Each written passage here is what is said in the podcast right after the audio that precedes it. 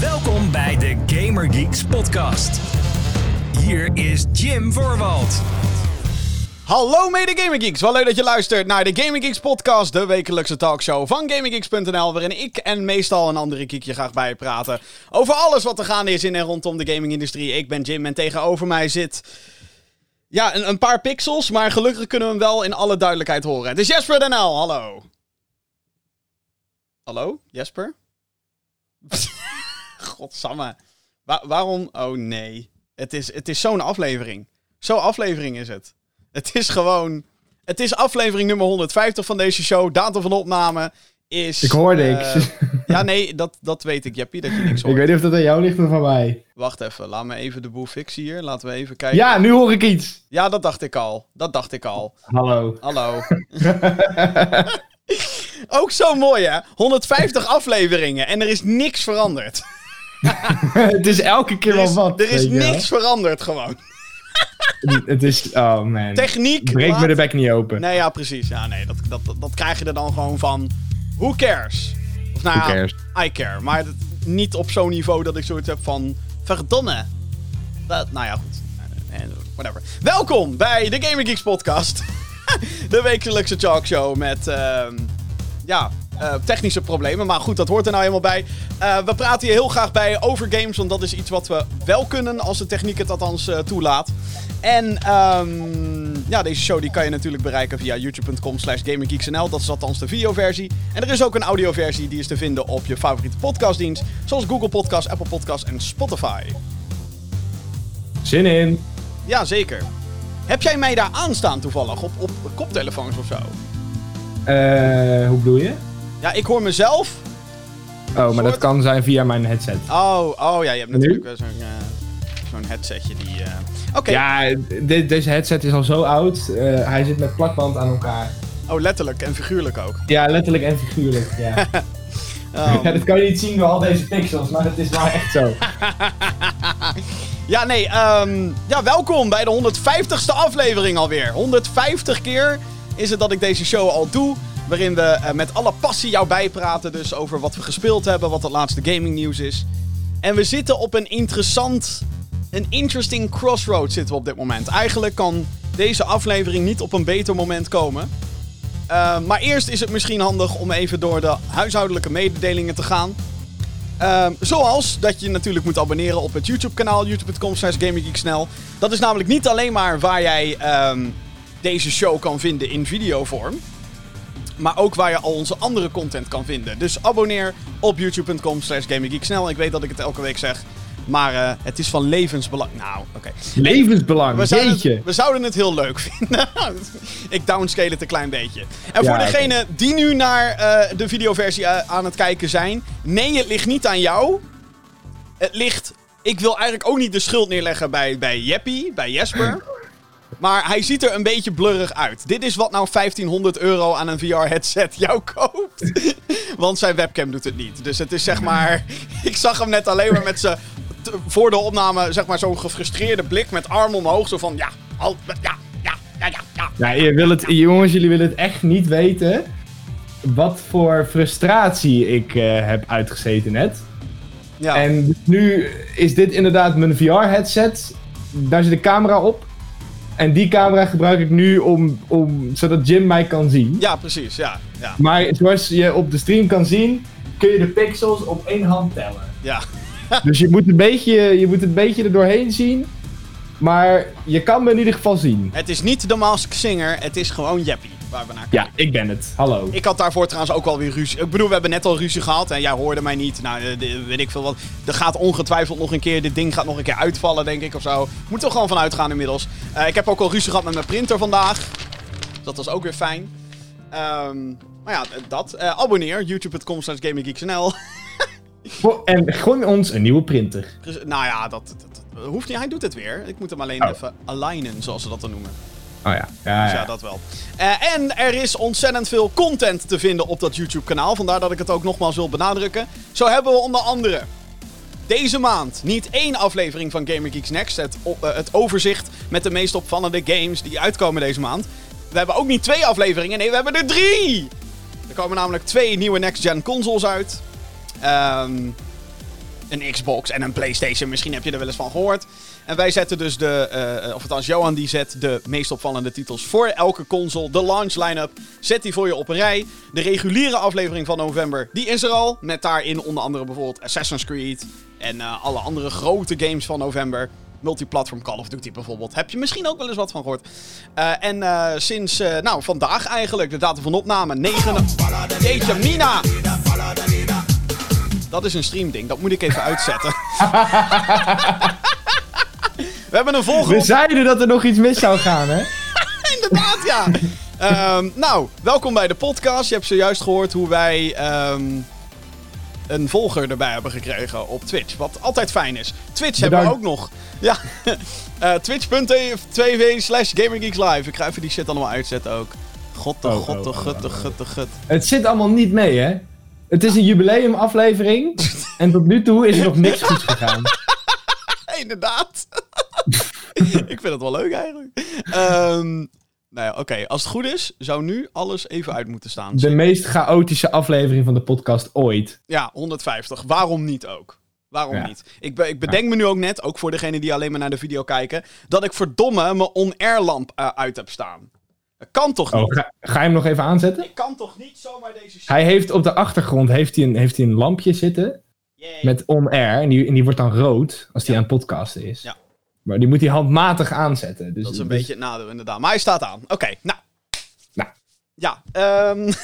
Hebben we nog huishoudelijke mededelingen, Jim? Want, uh, uh... Nou ja, misschien dat we meer gaan streamen. Maar ik denk dat dat beter is als ik dat ga benadrukken in... Werkt dit wel, please, werk? De playlist. Ja, ja, hij werkt. Ja. Holy shit. Oh. Het was toch even spannend, hè? Het, het was, was, even echt, spannend. Het was eventjes dat ik denk... Gaat de boel nu niet gewoon naar de kloten? Dat zou namelijk een drama voor mij zijn. Want, wat staat er bij mij op de playlist? Ik kom zo meteen met een verrassing voor je, Jeppie. Um, oh. Maar ik heb dus uh, met name gespeeld op The Beast. Degenen die deze show al een tijdje volgen, die weten dat ik... Um, nou ja, ik had heel veel interesse in een nieuwe PC. En die is er inmiddels. Ik heb uh, met, uh, met Come On, die ook wel eens te gast is in deze show... Uh, die heeft mijn computer in elkaar gezet. Ik wil, ik, wil, heel graag zeggen dat ik het zelf heb gedaan, maar dat is natuurlijk helemaal niet waar. Um, ja, ik heb een nieuwe computer. Hartstikke leuk, Jim. Leuk voor je. Nou. Nou ja, het is wel. Uh, ja, de, de, de nickname The Beast is er voor een reden. Uh, dit is nou een best een bakbeest. Dit heeft de nieuwste AMD-processor, de 5950X. Het heeft een RTX 3090 videokaart. Het heeft een CPU-cooler waar ik gifjes op kan afspelen. Het heeft 64 gigabyte aan RAM-geheugen. Ja. Gifjes? Jazeker. What the fuck, Matty? Ja, ik weet het. Dat kostte me 100 extra euro. En... er zit nu letterlijk een gifje op. Uh, ja, ik kan het niet echt goed laten zien op de videoversie, maar dat maakt het niet uit. Er zit nu letterlijk een gifje op van een uh, lege portemonnee, zeg maar. Dat iemand zo die portemonnee opentrekt oh. en dat die leeg is. Kun, kun, je dit, uh, kun je dit straks even op Instagram zetten? Want dan kunnen mensen even naar ons Instagram-account gaan. Zo, deze man. En dan kunnen, ze het, dan kunnen ze het daar even checken. Ja, ja, nee, dat, uh, dat, dat kan ik wel doen. Ik maak wel even een kort filmpje, inderdaad. Ja, goed idee. Uh, maar goed, ja, ik, ik, Kaman en ik zijn dus eigenlijk uh, de hele zaterdag bezig geweest met het in elkaar zetten van dat ding. Hij wilde het secuur doen, hij wilde het voorzichtig doen. Ik was een beetje met mensen op stream aan het kletsen. En als hij aan me vroeg, joh, kan je dat ding even optillen, want ik moet een kabeltje er doorheen doen. Deed ik wel even dat ding optillen. Um, en ondertussen gezelschap houden, want mij zo'n ding in elkaar laten zetten, ik denk niet dat je dat wil. Maar ja, ja, ik heb dus een nieuwe computer en het is uh, uh, heerlijk, man. Het is echt heerlijk. Ik heb nog nooit zo snel video's gemaakt. Ik heb, ik heb nog niet heel veel gegamed erop, moet ik heel eerlijk zeggen. Je zou denken dat ik dan meteen vol gewoon alleen maar no life uh, ga zitten. Maar, ja, alleen maar Doom Eternal spelen? Nou, ik heb inderdaad Doom Eternal heb ik wel een paar uurtjes al gespeeld. En dat is toch wel heel vet, hoor. Als dat zo kan met... met de alles op de hoogste settings. En uh, dan zie je die framerate teller helemaal loco gaan. Van, oh, ik heb, er nog, uh, ik heb iets van 300 frames, Jim. Wat wil je dat ik ermee doe? Um, want ja, dat kan natuurlijk allemaal niet op, een, uh, op de meeste beeldschermen. Je hebt inmiddels 300 megahertz, weet ik veel wat, beeldschermen. Maar die heb ik niet. Um, dus ja, het, het is, ik heb Control geprobeerd met RTX on. Nou, dat is ook wel vet hoor. Dat hele okay. RTX on gebeuren. Eh, zijn nieuwe, nieuwe techniek waarop licht gerenderd wordt. Dat wordt, wordt dan real-time gereflecteerd. Weet ik wat allemaal. Eh, het komt er in ieder geval neer dat reflecties nu door de hardware gehandeld worden. Dus dat heeft sterke videokaarten nodig om dat te kunnen doen. En eh, het is toch wel heel vet. Dat als je in Control rondloopt. Het is een, een game dat speelt zich af op, in een soort kantoorgebouw. Maar je moet zeg maar denken een kantoorgebouw à la X-Files. Een beetje gemengd met ehm, Twilight Zone en hoe heet die gekke serie? Twin Peaks. Ehm, en dan actie. En je loopt dan door zo'n kantoorgebouw heen en dan zie je van die ramen. En als je daar normaal, op normale settings, dat, daar, daardoor heen loopt, dan denk je, oké, dit ziet er mooi uit, ziet er vet uit. Maar dan doe je RTX on. En dan zie je ineens alles realistisch gereflecteerd. En dat maakt dan toch wel, voegt toch wel echt een extra dimensie toe. Dus ja, het is een grafische gimmick.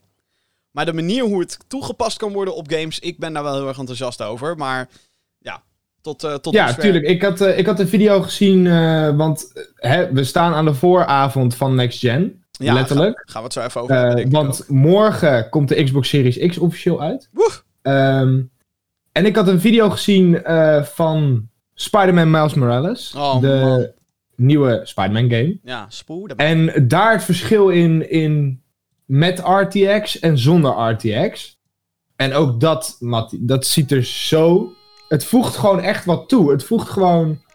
Kijk, normaal gesproken als je naar een game kijkt... eh 9 van de 10 keer kun je zeggen... Nou, eigenlijk 10 keer, 10 keer van de 10 keer denk ik. Dat is een game waar ik nu naar kijk. Maar door die raytracing vind ik gewoon dat het er steeds meer als een film uit begint te zien. En dat je eigenlijk niet meer doorhebt dat je een game aan het spelen bent. Nou zeggen we dat dat je gewoon letterlijk. naar een film zit te kijken. Nou zeggen we dat letterlijk elke generation zeggen we dat. Nou, lijkt nu wel echt net echt. dat zijn- ja, ja oké, dat is... Ja, bij het Maar PS2-tijdperk was het ook van, nou maar nu PS3 komt, nou en nu ziet het er PS4, ja maar nu. Het is wel grappig om te horen inderdaad, want het is inderdaad elke generation dat we eh, met z'n allen weer zeggen, ja maar nu wordt het echt realistisch. Eh, Maar dit is wel nou ja, dat, dat is wel zo. Want die raytracing, dat zorgt er wel weer, weer voor een extra laagje erbovenop, zeg maar. Ja, zeker. Het voegt echt weer wat toe. Maar dan de vraag die ik aan jou heb, Mhm. ehm, want jij hebt ook een PS5 gepreorderd. Ja. Ga jij Spider-Man Miles Morales in 4K 30 frames per seconde met raytracing spelen? Of Mhm. zonder raytracing 60 frames per seconde? Ehm, nou, kijk. Mijn computer Ik wil een antwoord. Ik wil geen... Ja, ja, ja, ja, nee, nee, nee. Mijn computer die ik nu heb, dat is eigenlijk de... Ik, ik ben eigenlijk helemaal geen console gamer. Ik speel bijna alles op PC. Ja. En mijn PC is nu pittig oud. Eh, er zit een oude videokaart in. het zie is het. allemaal niet best meer. Ja, dat zie je ook aan de kwaliteit. Ja, ik weet het, ik weet het. Eh, dus ik ben eigenlijk gewend dat ik de meeste games al met 40 frames, 50 frames per seconde stabiel draai. Arme jongen. Dus voor mij wordt straks 120 fps, wat ook kan op die dingen, hè? Echt. Weet je wel? Mits- ik, heb ook, ik heb ook een nieuwe televisie gekocht voor de PlayStation Oh, oké. 5. Ja, ik wilde net zeggen, mits je een televisie hebt die dat Ja, ondersteunt. ja, ja. 120 hertz. Ehm, en, eh. d- maat, ik, ik weet straks niet wat ik ga zien. Dus voor mij, weet je, als ik op 30 fps speel, eh, dan maakt het nu nog niet uit. Maar als ik straks gewend ben aan eh 60 fps, 120 fps, dan ga ik me er waarschijnlijk heel erg aan irriteren. Om je vraag te beantwoorden, ga ik, op welke kwaliteit ga ik spelen? Ik ga nu, denk ik, voor 60 fps. Yay! Ik ga voor de gulden middenweg. Oké, nice. Ik dacht eigenlijk, door, omdat je dat allemaal zei, van hey, ik ben 40 fps gewend. Ik dacht dus dat jij ging zeggen, dan ga ik alle effecten aanzetten, want ik ben toch al de lage framerates gewend. Ik, denk, ik dacht, wij gaan die kant op. Ja, maar ik wil mezelf eh, gaan aanleren dat 60 de standaard moet zijn. Nice. Kijk, daar, daar ben ik ook voor. Nee, ik, eh, Daar is de PlayStation een goed middel voor, denk ik. voor degenen die willen weten, Jim, wat ga jij dan doen? Ik ga hem ook op 4K 60 fps dan doen, want ik ga niet... eh Raytracing is prachtig, raytracing is leuk. Maar in Spider-Man ben je natuurlijk heel vaak heel snel aan het rondzlingeren. Dus om dan zeg maar aandachtig te, te gaan kijken naar die details... Ik denk niet dat je daar heel veel tijd voor hebt tijdens... Als je daadwerkelijk aan het spelen bent. En dan heb ik liever een vloeiendere gameplay ervaring met meer frames. Want dat is eigenlijk waar het gewoon op neerkomt. Het is soepeler allemaal. Mhm. Ehm, dan dat ik, wauw, ik zie realistische reflecties in de plasjes. Wat mooi Ja. kan zijn en heel veel kan toevoegen, maar... Weet je? Nou, ik, ik denk sowieso... Het gaat een beetje hetzelfde worden, denk ik, als wat wij op afgelopen Gamescom eh, hadden. Vorig jaar, 2019. Ja, Bij, bij het, eh, bij het eh, Nvidia-event. Dat wij even kijken naar die reflecties. Oh, het oh, ziet dat er was mooi uit. grappig, ja. ja. Dat we Call of Duty aan het spelen waren. En dat we dus bij Nvidia waren. Dat ze zeiden, jongens, de eerste ronde. Elkaar niet doodschieten. alleen even kijken naar de plasjes. Ja, we gaan kijken naar de plasjes en Ja, kijken naar het licht. al die journalisten. Ja. Oh! Oh. Ja. En toen na één ronde dus keken we er niet meer naar. Dus ik heb ook zoiets van, weet je, het is leuk dat het erin zit. En het is leuk om af en toe het eens even aan te zetten. Zeg maar van, oh, wat ziet het er mooi uit. Maar daarna wil je gewoon weer op 60 frames spelen. Ja. Daar gaat het uiteindelijk om. Nice. Ehm, ja, laten we het zo meteen nog eventjes hebben over eh, de wisseling van generatie voordat we naar het nieuws gaan. Ja. Maar laten we eerst nog eventjes door die playlist heen gaan dan. Ja. Ehm, ik heb namelijk nog een game gespeeld. Een nieuwe game zelfs. Eh, en het is een, een game waar ik het een beetje... eh, eh, dit is nou een game. Het heet Fuser. en het is gemaakt door. Harmonix. En ik denk dat mensen die ooit, of die nog steeds misschien wel, heel veel plastic gitaren hebben op zolder liggen. die weten wel wie dat zijn. Dat zijn de makers van Guitar Hero en later Band Hero. Ehm, en die hebben dus een nieuwe game. Dat heet Fuser. En dat is een game die je niet met een, eh, een plastic instrument hoeft te bespelen. En het is eigenlijk het spirituele vervolg op DJ Hero. Want die hebben ze ook nog gemaakt. Eh, en nu denk je misschien, oh, dus het is gewoon hetzelfde als DJ Hero. Nee, niet echt. Want daar waar je bij DJ Hero, ehm, dat was eigenlijk gewoon Guitar Hero, maar dan met mashups. Hè, mashups zijn twee platen door elkaar ingemixt, of meer. Ehm, en dan moest je gewoon eigenlijk opvolgen wat het scherm zei. Dus moest je een fader van links naar rechts doen. Je moest scratchen wanneer dat moest. Ik vond hem heel vet, DJ Hero. Ik vond het echt te gek vroeger. Ehm, breng het terug voor de gein.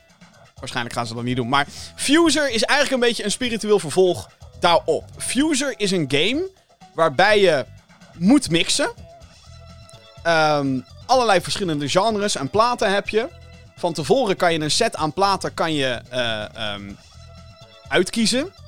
En terwijl je dus een, een set aan het draaien bent, krijg je dus allemaal opdrachten van... Oh, hey, eh, eh, doe nu in wat je nu afspeelt elementen eh, ehm, implementeren van twee rockplaten. Of hey, ik wil nu iets uit de jaren 80 horen. Of hey, iemand op Instagram request nu dit nummer. En als jij die nu erin weet, weet je, dan krijg je extra punten en dat soort shit. Dat klinkt allemaal best ingewikkeld. En als je eh, eh, ook gameplay bekijkt, eigenlijk moet je hier ook gewoon geen gameplay van kijken. Omdat je dan denkt, wat de fuck gebeurt hier? Eh, want de interface is niet echt gebruiks, gebruiksvriendelijk voor mensen die het niet spelen. Wat het in principe is, is dat wat Harmonix heeft gedaan, is die heeft dus een aantal platen gepakt, uit allerlei genres dus. En die hebben in essentie de instrumentele tracks en een vocale track, hebben ze allemaal losgerukt. Dus je hebt ehm, bijvoorbeeld bij, laten we even heel simpel, gewoon een danceplaat. Je hebt dan een basbeat, je hebt een drumbeat, je hebt synthesizers en je hebt vocals. Ja. De meest generic danceplaat hebben dat. Ehm, en jij kan dus die vier elementen, kan je allemaal natuurlijk tegelijkertijd afspelen. Maar dat neemt dan vier van jouw zogeheten desk slots neemt dat in. Dus je kan de vocals bijvoorbeeld vervangen met vocals van een andere plaat. En je kan de bass kan je vervangen door de bas van een ander nummer. En eh, dat verschilt per plaat ook wat voor element het heeft. Hè? Want sommige, bijvoorbeeld bij een band, heb je vaker te maken met gitaren. En heb je echt een basgitaar en gewoon gitaar. En bij bepaalde danceplaten bestaan dingen dan weer uit samples. En eh, nou ja, de, de drums en de, de beats is natuurlijk anders per genre met name. En die kan je dus allemaal door elkaar mixen. En dat is fucking vet. Dus als jij zoiets hebt van... Hey, hoe zou, weet ik veel... eh, LMFAO's Party Rock klinken... maar dan met de beat van Lady Gaga's Born This Way. Het kan in deze game. Wat vet. Hoe zou, weet ik veel, Hot Stuff... klinken met de lyrics van... All Star van Smash Mouth. Ik zeg maar wat.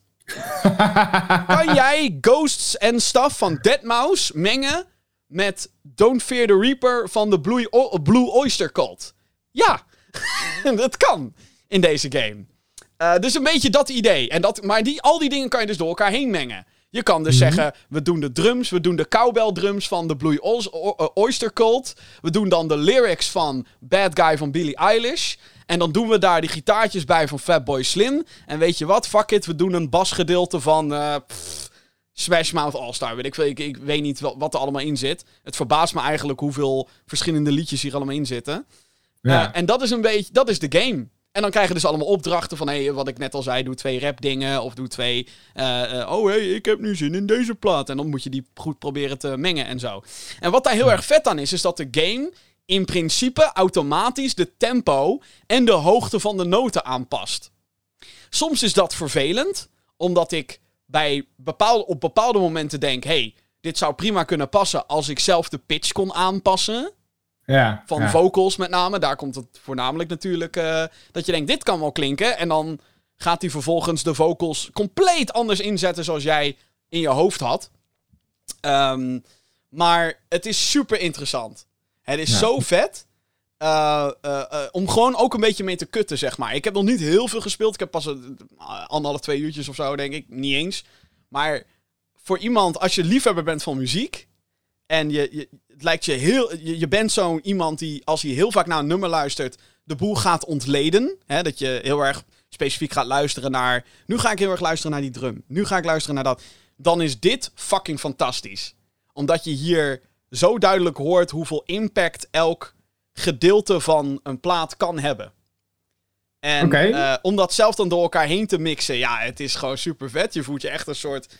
Ja, je voelt je een DJ als je daar staat. Oh, en- nu doe ik deze erin. Nu gaan we bla bla bla. En het, het is heel tof.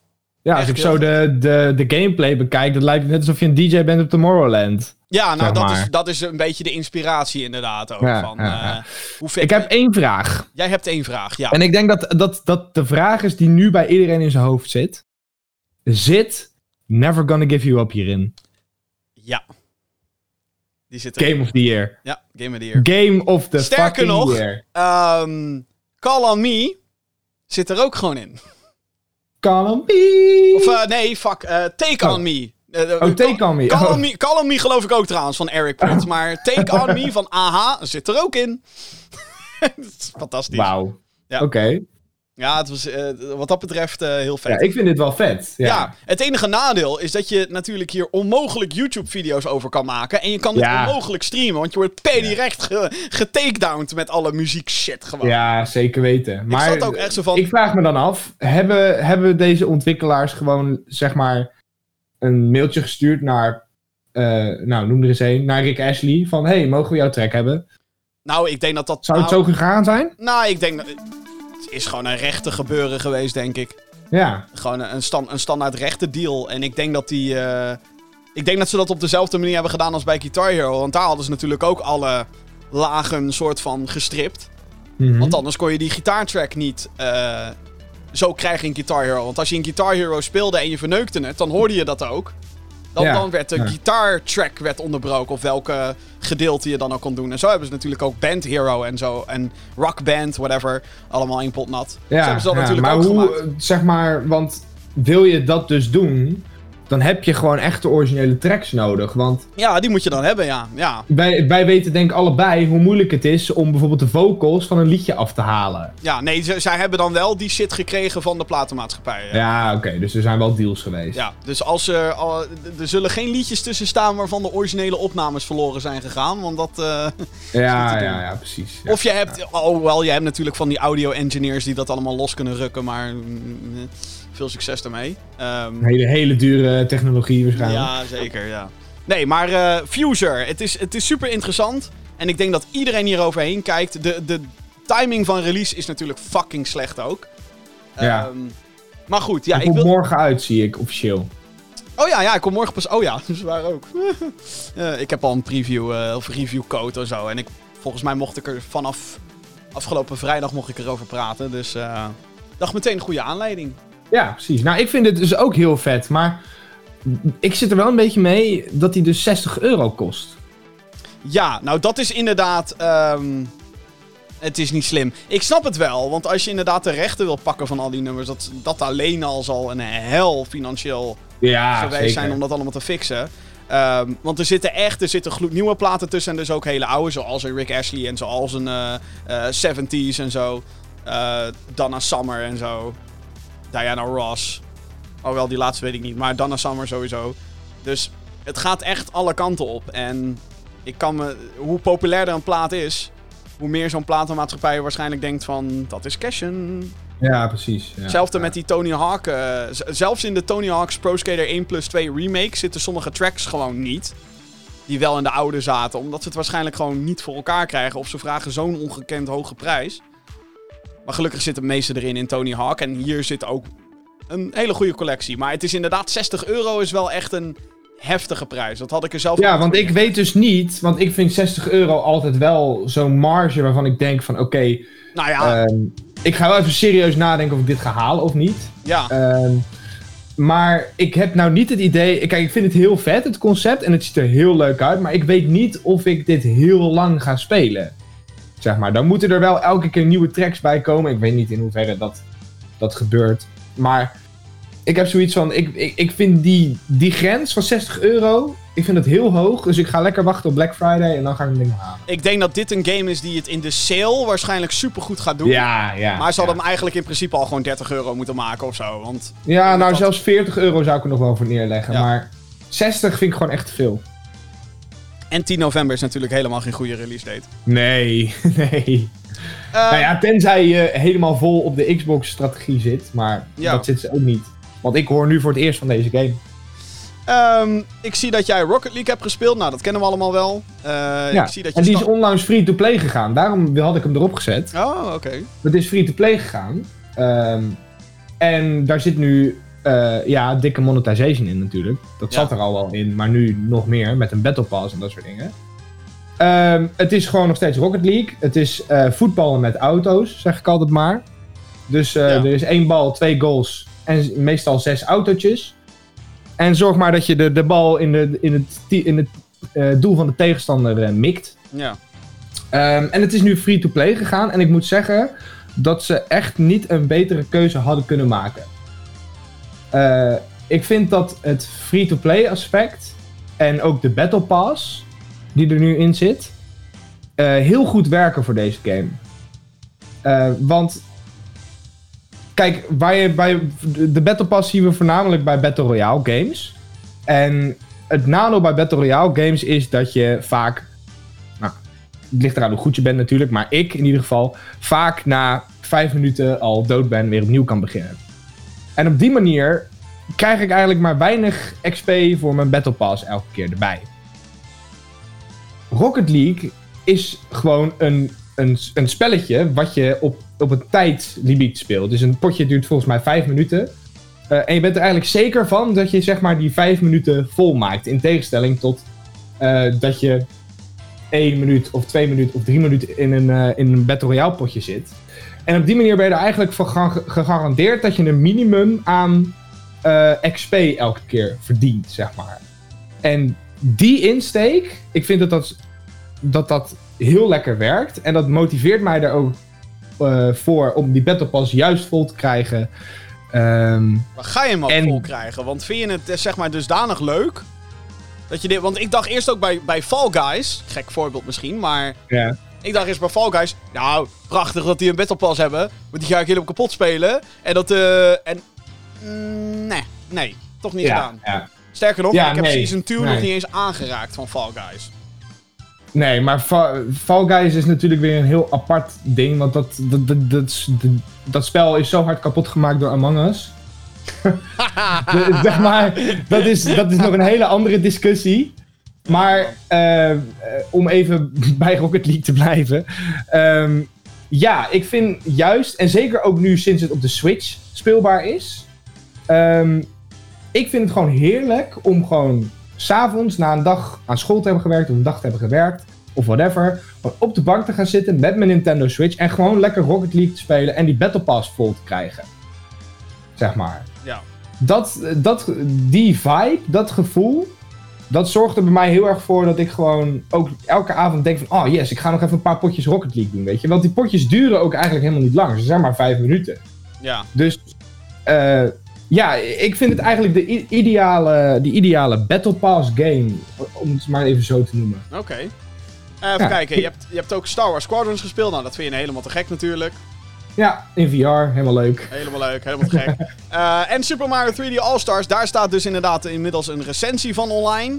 Ehm, ja, eh, ja, ga de video maar gewoon kijken. Ik heb me lekkere tirade kunnen houden over Super Mario 64. Ja. Ehm, en jij bent dus ook even in Galaxy gedoken. Ehm, Ja. Nou, Ja, ik ben eerst helemaal in Sunshine gedoken. Want voor de review eh, mocht ik Sunshine voor mijn rekening nemen. Ehm, maar nu we de review online hebben staan, eh, ben ik mijn favoriete Mario game alle tijden weer op gaan pakken. En dat is Super Mario Galaxy. En ik ben gewoon opnieuw weer verliefd geworden op die game. Die game is echt op misschien af en toe de controls na met de motion controls en dat soort dingen. Maar verder is die game echt oprecht perfect gewoon. En, eh, In zijn, in zijn verhaal, in zijn structuur, in zijn charme, in nou. zijn creativiteit, in zijn ideeën. ja. En wat, eh, wat vind je er dan van dat Galaxy 2 niet in deze collectie zit? Ja, dat is gewoon echt een doodzonde. Dat is echt een We hebben het er al doodzonde. zo vaak over gehad, maar het blijft gewoon kut. Maar oprecht, want ik begrijp nog steeds niet waarom niet. Maar Nee, maar ik, ik Ehm. moet heel eerlijk bekennen, ik ben het met je eens. Super Mario Galaxy is denk ik gewoon de beste Mario game ooit gemaakt. Ja, Odyssey komt ja heel misschien dichtbij. naast, naast de, klas, de, de originele, zeg maar. Want Nou, zelfs dan. begon. Zelfs dan. Mario Galaxy is gewoon... Het is zo... En de- volgens mij heb ik het nooit echt over Galaxy gehad in deze podcast, maar... Mhm. Galaxy, ik speelde dat toen ik eh, eh, net 17 was. Toen kwam die uit, 2007. Ehm, en ik, ik bedoel, ik was toen puber, dus hè, er gaan allerlei emoties, gaan er elke dag gaat het van hop naar her. Eh, Mhm. en, maar ik dacht ook van, weet je, ze kunnen nooit meer... Ze kunnen nooit... to- to- Toen al. Ik was 17. Fucking 17. Toen al. Ik zei, ze kunnen nooit meer die magie van vroeger. Kunnen ze nooit meer... Fuck it, Galaxy. Ja. Ja, een beetje dat. Ehm, dus als Maar je... ik, ik zie gewoon voor me, zeg maar, dat er iemand bij Nintendo... Ik weet niet of dat... eh, hoe heet die, eh, die, die vent ook weer? Die, Shigeru eh, Miyamoto? ja, dat hij zeg maar op een gegeven moment daar binnen loopt. En dat hij zegt, jongens, ik heb nu een idee. Super Mario In space. in space. Super Mario Maar Space gewoon- Odyssey. Hey, En Odyssey! Hey, Odyssey! Verdomme, nou ja! Ongelooflijk. Nou, heb je hem. Maar Heb ik je wil nog even, even een speciale shout-out doen naar de soundtrack van eh, ja, Super Mario de Galaxy. eerste orkestrale soundtrack ooit, hè, voor een Mario game. Holy fuck gek. De, de soundtrack zit eh, bij de collectie als je hem koopt op de. Nintendo Switch. Yay. Maar oprecht, de soundtrack is serieus. Ik zeg maar, dat is vooral voor mij een dingetje. Ik heb zoveel nostalgische waarde bij die soundtrack en bij die game. Dat ik oprecht gewoon. Ik, ik was nu eh, vrijdag of zaterdag, dus een paar dagen geleden, was ik eindelijk bij de Gusty Garden Galaxy. Ehm, Ja, een level. en, en het, ja, dat level, zeg maar. En die muziek, die raakte mij zo hard. Zo hard. Ach, dat ik gewoon helemaal... Ik was was weer even helemaal elf. Ach, jongen, zeg toch. maar. Ja, Ach. dat, dat wou ik graag even delen met jullie. Jongens, Super Mario Galaxy. We raden Geweldig. het af, maar alsnog haal de Super Mario 3D All-Stars collectie voordat die shit uit de verkoop gaat op 31 maart. Koop hem alleen al voor Galaxy. Weet je wel, die andere twee krijg je er gratis bij. Haha, en dat is juist wat Nintendo wil dat je denkt. oh man, man, man. Nou, oké. ehm, ja, nou, tot zover de playlist, dames en heren. Gamer Geeks Podcast. We zijn eh, op dit moment, eh, nou ja, op datum van opname is 9 november 2020. We staan op het punt om een nieuwe generatie in te gaan. Een nieuw Ehm, tijdperk. Het eh, tijdperk, ja. En ik dacht toch, laten we even een momentje pakken om niet alleen maar hè, vooruit te kijken naar, goh, wat gaan we dan... Hè, we hebben het net al een beetje over Spider-Man Miles Morales gehad. En eh, ik denk dat het duidelijk is dat wij dus eh, inmiddels... ehm, ja, allebei, we hebben een PlayStation 5 in de pre-order staan. Ja, wij zijn kan PlayStation, ja. Ja, wij zijn kan PlayStation. En dat is niet omdat we anti-Xbox zijn. Het is gewoon omdat PlayStation veel meer wa- Zeker als je net een nieuwe PC hebt gekocht, zoals ik. Eh, Ik speel alles wel op PC hoor, komt helemaal goed. Maar goed. Ja, eh, je hebt geen Xbox meer te kopen. Nee, nee, het, het is ook echt niet nodig. Niet om de Nee. games in essentie te spelen in ieder geval. Maar goed, ehm, eh, dat betekent dus dat we natuurlijk ook, langzaam maar zeker, een beetje gaan kijken naar het einde van deze generatie. Te weten, PlayStation 4, Xbox One. En nou ja, dat gedurende zeven jaar is natuurlijk heel veel gebeurd. Dus Ja. ik dacht, misschien is het toch wel leuk om even een momentje te pakken. Jeppie, wat vond jij van de afgelopen console generation? Wat vond jij wat dit gaming heeft gebracht? Was het goed voor gaming? Was het slecht voor gaming? Wat waren... Misschien heb je een highlight die je kan noemen. Sea of Thieves. Oké, nou. Gedaan. Star Wars. Nou, nou, nou, niet alles dra- draait bij mij om Sea of Thieves, hè. Kom op. nee, dat, dat Ehm, is waar. nou, ik wil graag eh, even, even een paar dingen zeggen, alstublieft. Een paar dingen. Ja, dat mag. Ehm, het begon natuurlijk eigenlijk een allemaal. beetje saai. Het begon een beetje saai. Want PlayStation maakte voor zes jaar eigenlijk Xbox keihard in. Qua sales, qua titels, qua alles eigenlijk. Ja, qua marketing, qua... Als je de, als je, ja, qua marketing inderdaad. Als je het gaming nieuws de afgelopen zeven jaar een beetje gevolgd hebt, dan weet je daar wel iets van. Nu het laatste jaar is het eindelijk weer een beetje interessant geworden. Door de introductie van de Xbox Game Pass. Daardoor ehm, heeft Xbox nu ineens meer gebruikers, denk ik. Dus het feit dat die strijd nu zo hard gaande is, is dat de launch zometeen van Next Gen alleen nog maar interessanter gaat worden. Want wat gaat de doorsnee consument kiezen? Gaat hij voor de PlayStation of gaat hij voor de Xbox? Dat gaan we straks zien. Maar goed, om even terug te kijken. Ik denk dat wij een hele goede console-generatie hebben gehad. Als je kijkt naar de games die zijn uitgekomen. We kunnen er zo wel een paar noemen waarvan we denken dat zijn echt pareltjes. Ja, we, Ehm. hebben, we hebben natuurlijk eh, een tijdje terug hebben wij de, de beste games van de 2010s. Een tijdje terug, dat is al bijna weer een jaar geleden, Jim. Daarom zeg ik een tijdje terug. ik zat erover na te denken, wanneer zouden we dat gedaan hebben? Joh, Jim. 1 en 1 is Ja. 2. Maar, ehm, dus ik wil niet daarmee zeg maar heel erg in herhaling gaan vallen, want dan kan ik weer komen op Firewatch, was een hele belangrijke. Ja, Eh, ja, zeker. Weet je al, eh, eh, Super Mario The Odyssey. The Last of Us. Life is Strange is natuurlijk eentje die ik Ja. zal blijven noemen tot in den eeuwigheid. Horizon Zero Dawn. Horizon Zero Dawn. Eh, en nou ja, goed. Doom 2016. En bla bla bla bla. Zo kunnen we, zo kunnen we nog even door blijven gaan. Ja. Ehm, dus check die aflevering van de podcast. Eh, welke was dat? Was dat 100? Mm, nee. ik ga even zoeken. Wacht, ga- eh, praat jij verder? Ik ga even zoeken. Nee, dat was niet nummer 100. Maar maakt maakt maakt niet uit, whatever. Maar ehm, wat inderdaad heel grappig is, is hoe de, hoe de eh, industrie is veranderd gedurende zeven jaar. En dat kan ook bijna niet anders. We leven in een digitale tijdperk waarbij echt van alles en nog wat als een sneltreinvaart gaat. Ehm, en het is... Het was podcast 111, was het. 111, oké. 1 Ja. in 1 1 1 1 1 1 1 1 1 1 1 1 1 Drie keer 1. Dat Ja. was hem. Ja. Ehm, maar wat je inderdaad zei, de, de Xbox begon op zo'n gigantische achterstand. En dat Er is stonden iets gewoon 5-0 achter. wat, wat heel interessant was, omdat je van een enkel een announcement zou je denken dat het niet heel veel impact zou hebben. Maar het was die, die announcement alleen al van Xbox One. Waarin je ook merkt hoe groot marketing, hoe groot die rol is van marketing als het gaat om, om, om game consoles en games zelf. Ehm, Ja. Want niet alleen namen ze, hè, was de X- Xbox One zelf werd compleet belachelijk gemaakt door zijn slechte design, door zijn gebrek aan privacy. Want de Kinect 2.0, weet je dat nog? De Xbox Ja, One daar was, eh, dat was dikke fitty. launchte met de Kinect 2.0 en die moest je erbij hebben. Want ze beweerden toen de tijd dat de Xbox One helemaal niet kan functioneren zonder Kinect. Ze kunnen En hij moest zo- ook permanent aanstaan, toch? Ik. ja, dat ding, eh, je moest om de 24 uur moest dat ding internet hebben. Ja. Dus het ging zeg maar eens in de 24 uur gingen checken of je internet had. Anders weet ik veel wat anders de gevolgen waren geweest.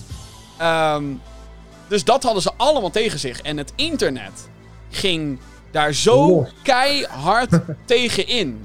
Tegen de, eh, of eh, voor de consumentenrechten eigenlijk. Ja. Want ja. als je gewoon heel kritisch kijkt naar hoe, de, hè, hoe wij games spelen, hoe dat allemaal gaat. Wat voor dingen staan er op je PC? Heb jij nog 1400 icoontjes van games op je bureaublad? Ik niet. Ik heb gewoon Steam, Origin of EA, whatever the fuck dat gaat heten. Ubisoft, Connect. Ik heb GOG, ik heb Epic en ik heb een Bethesda launcher. En daar staat alles in. Dat wordt Ja. allemaal beheerd door die digitale diensten. En Xbox Eigenlijk was de Xbox One heel vooruitstrevend in die zin. Want ook daar was het zo van ja, op het moment dat je een disk in de gleuf doet, wordt deze geregistreerd op je account. En daarna kan je eigenlijk die disk gewoon weggooien. Ga je Ja. natuurlijk compleet, zeg maar, het nut van zo'n disk gaat weg.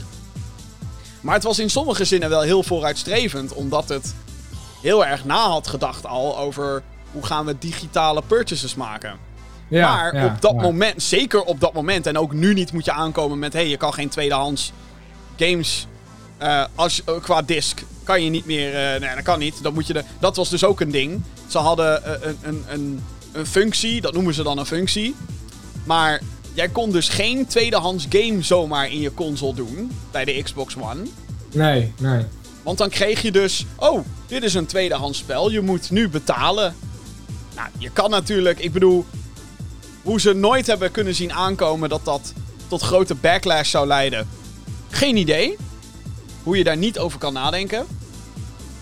Maar het heeft wel meteen die hele generatie bepaald. Want wat deed PlayStation vervolgens? Oké, wij gaan dat dus allemaal niet doen. En we gaan even lekker benadrukken dat wij dat niet doen. Wij gaan zo'n Ja. pak slaag geven van hier tot aan Tokio. Letterlijk. Want het was gewoon... Bij E3 2013, ik, ik, ik vergeet het nooit meer. Ik zat die shit te kijken en die guy van PlayStation stond daar zo trots, hè. Ja, ehm PlayStation 4 disc-based disc-based game don't require online to play. You can lend it out to a friend. En iedereen ging helemaal los, want dat was het einde van de Xbox. Althans, Ja. het was niet het einde, gelukkig. Maar ehm, dat was de hardste klap die je aan een bedrijf kan geven.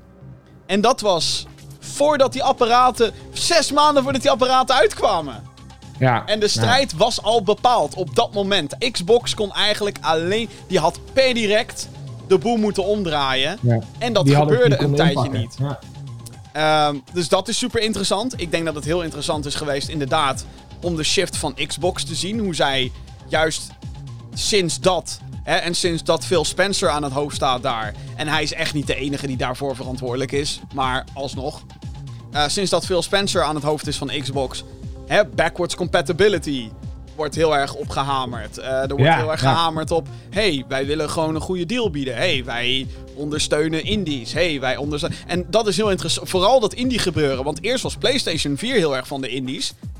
En daar hoor je nooit meer wat over. Dat is gewoon compleet Nee. weggevallen. Nee, ze zijn veel meer. Hoe ik het altijd uitleg, ze zijn veel meer gaan, gaan kijken naar hoe kunnen wij mensen verleiden om een Xbox te nemen. Want kijk, wij hebben allebei een, Play- een PlayStation 5 in de pre-order staan. Maar als ik nu kijk naar de Xbox Series S en die deal die je er eigenlijk krijgt, want je betaalt volgens mij 350 euro voor dat ding. of 300, euro? 300 euro maar. 300 euro voor dat ding. Dus dat is goedkoper dan een Nintendo Switch. Ja. Ehm, je koopt Game Pass voor 15 euro in de maand. Dat Game? Pass Ultimate, ja, ja. 15, eh, 16, 15, ja. En je bent klaar. Ja. Weet je wel? Je hoeft eigenlijk nooit meer... Ja, tenzij een extra, een extra controller wil hebben. Maar je hoeft eigenlijk nooit meer iets te kopen. Nou, misschien een eh, harde schijf voor de Series S, maar... Ja, oké. misschien, misschien een harde schijf inderdaad. Maar in principe heb je hem ook niet nodig. Want als je maar één game speelt op- Game Pass, dan... Ja, oké. dan ja. denk ik ook, waarom koop je Game Pass? Precies. Nee, maar eh, de Game Pass is echt een... eh, eh, dat is echt een game changer. Het is echt een gamechanger. En ik, ik, ik ben eigenlijk een soort van dief van mijn eigen portemonnee dat ik het nog niet heb. Ja, Want ik ben gewoon... Ik heb Tell Me Why gewoon voor 30 euro gekocht. Ik heb Bleeding Edge eerder dit jaar voor 30 euro gekocht. Nou, tel die twee dingen bij elkaar op. En ik kan al... Volgens mij al een jaar lang aan de Game Pass, geloof ik. Nou ja, dat- Nou ja, en dus straks worden ook alle EA-games nog eens toegevoegd. nou nee, niet, niet, niet alle EA-games. Nee, nee, Ah, nee, nee, nee, dan moet je mij Veel, uitkijken. veel, EA, veel EA-games. Het is niet zo dat alle nieuwe EA-games meteen aan Game Pass worden toegevoegd. Nee, niet de nieuwe. Nee, niet de nieuwe. Maar- Star Wars Squadron is overigens, overigens wel. Waarschijnlijk, ja. ja. Of is dat al bevestigd inmiddels? Nog niks van gezien eigenlijk. Oh. Oh, nee, trouwens, dat is niet waar. Zo, stop. Eh, je krijgt nu 30 dagen Disney Plus bij eh Jee, 30 Xbox dagen. Game Pass. Jee, 30 Ja, dagen. Kan je, kan je straks mooi de Mandalorian kijken. Jee, 30 dagen. Ja, is Zo dat- zou. dit is nou, nee, maar dit is nou, dit is wat we noemen een marketingtruc. Hier, je krijgt 30 Ja, tuurlijk. dagen. In de hoop natuurlijk dat er veel meer mensen blijven hangen. Want waarschijnlijk om die 30 dagen te activeren moet je een jaar abonnement nemen. Zo doen ze dat altijd. Ja, Nee, tuurlijk. da- daar kan ik niet enthousiast van worden. Dat is gewoon een fucking marketing dingetje.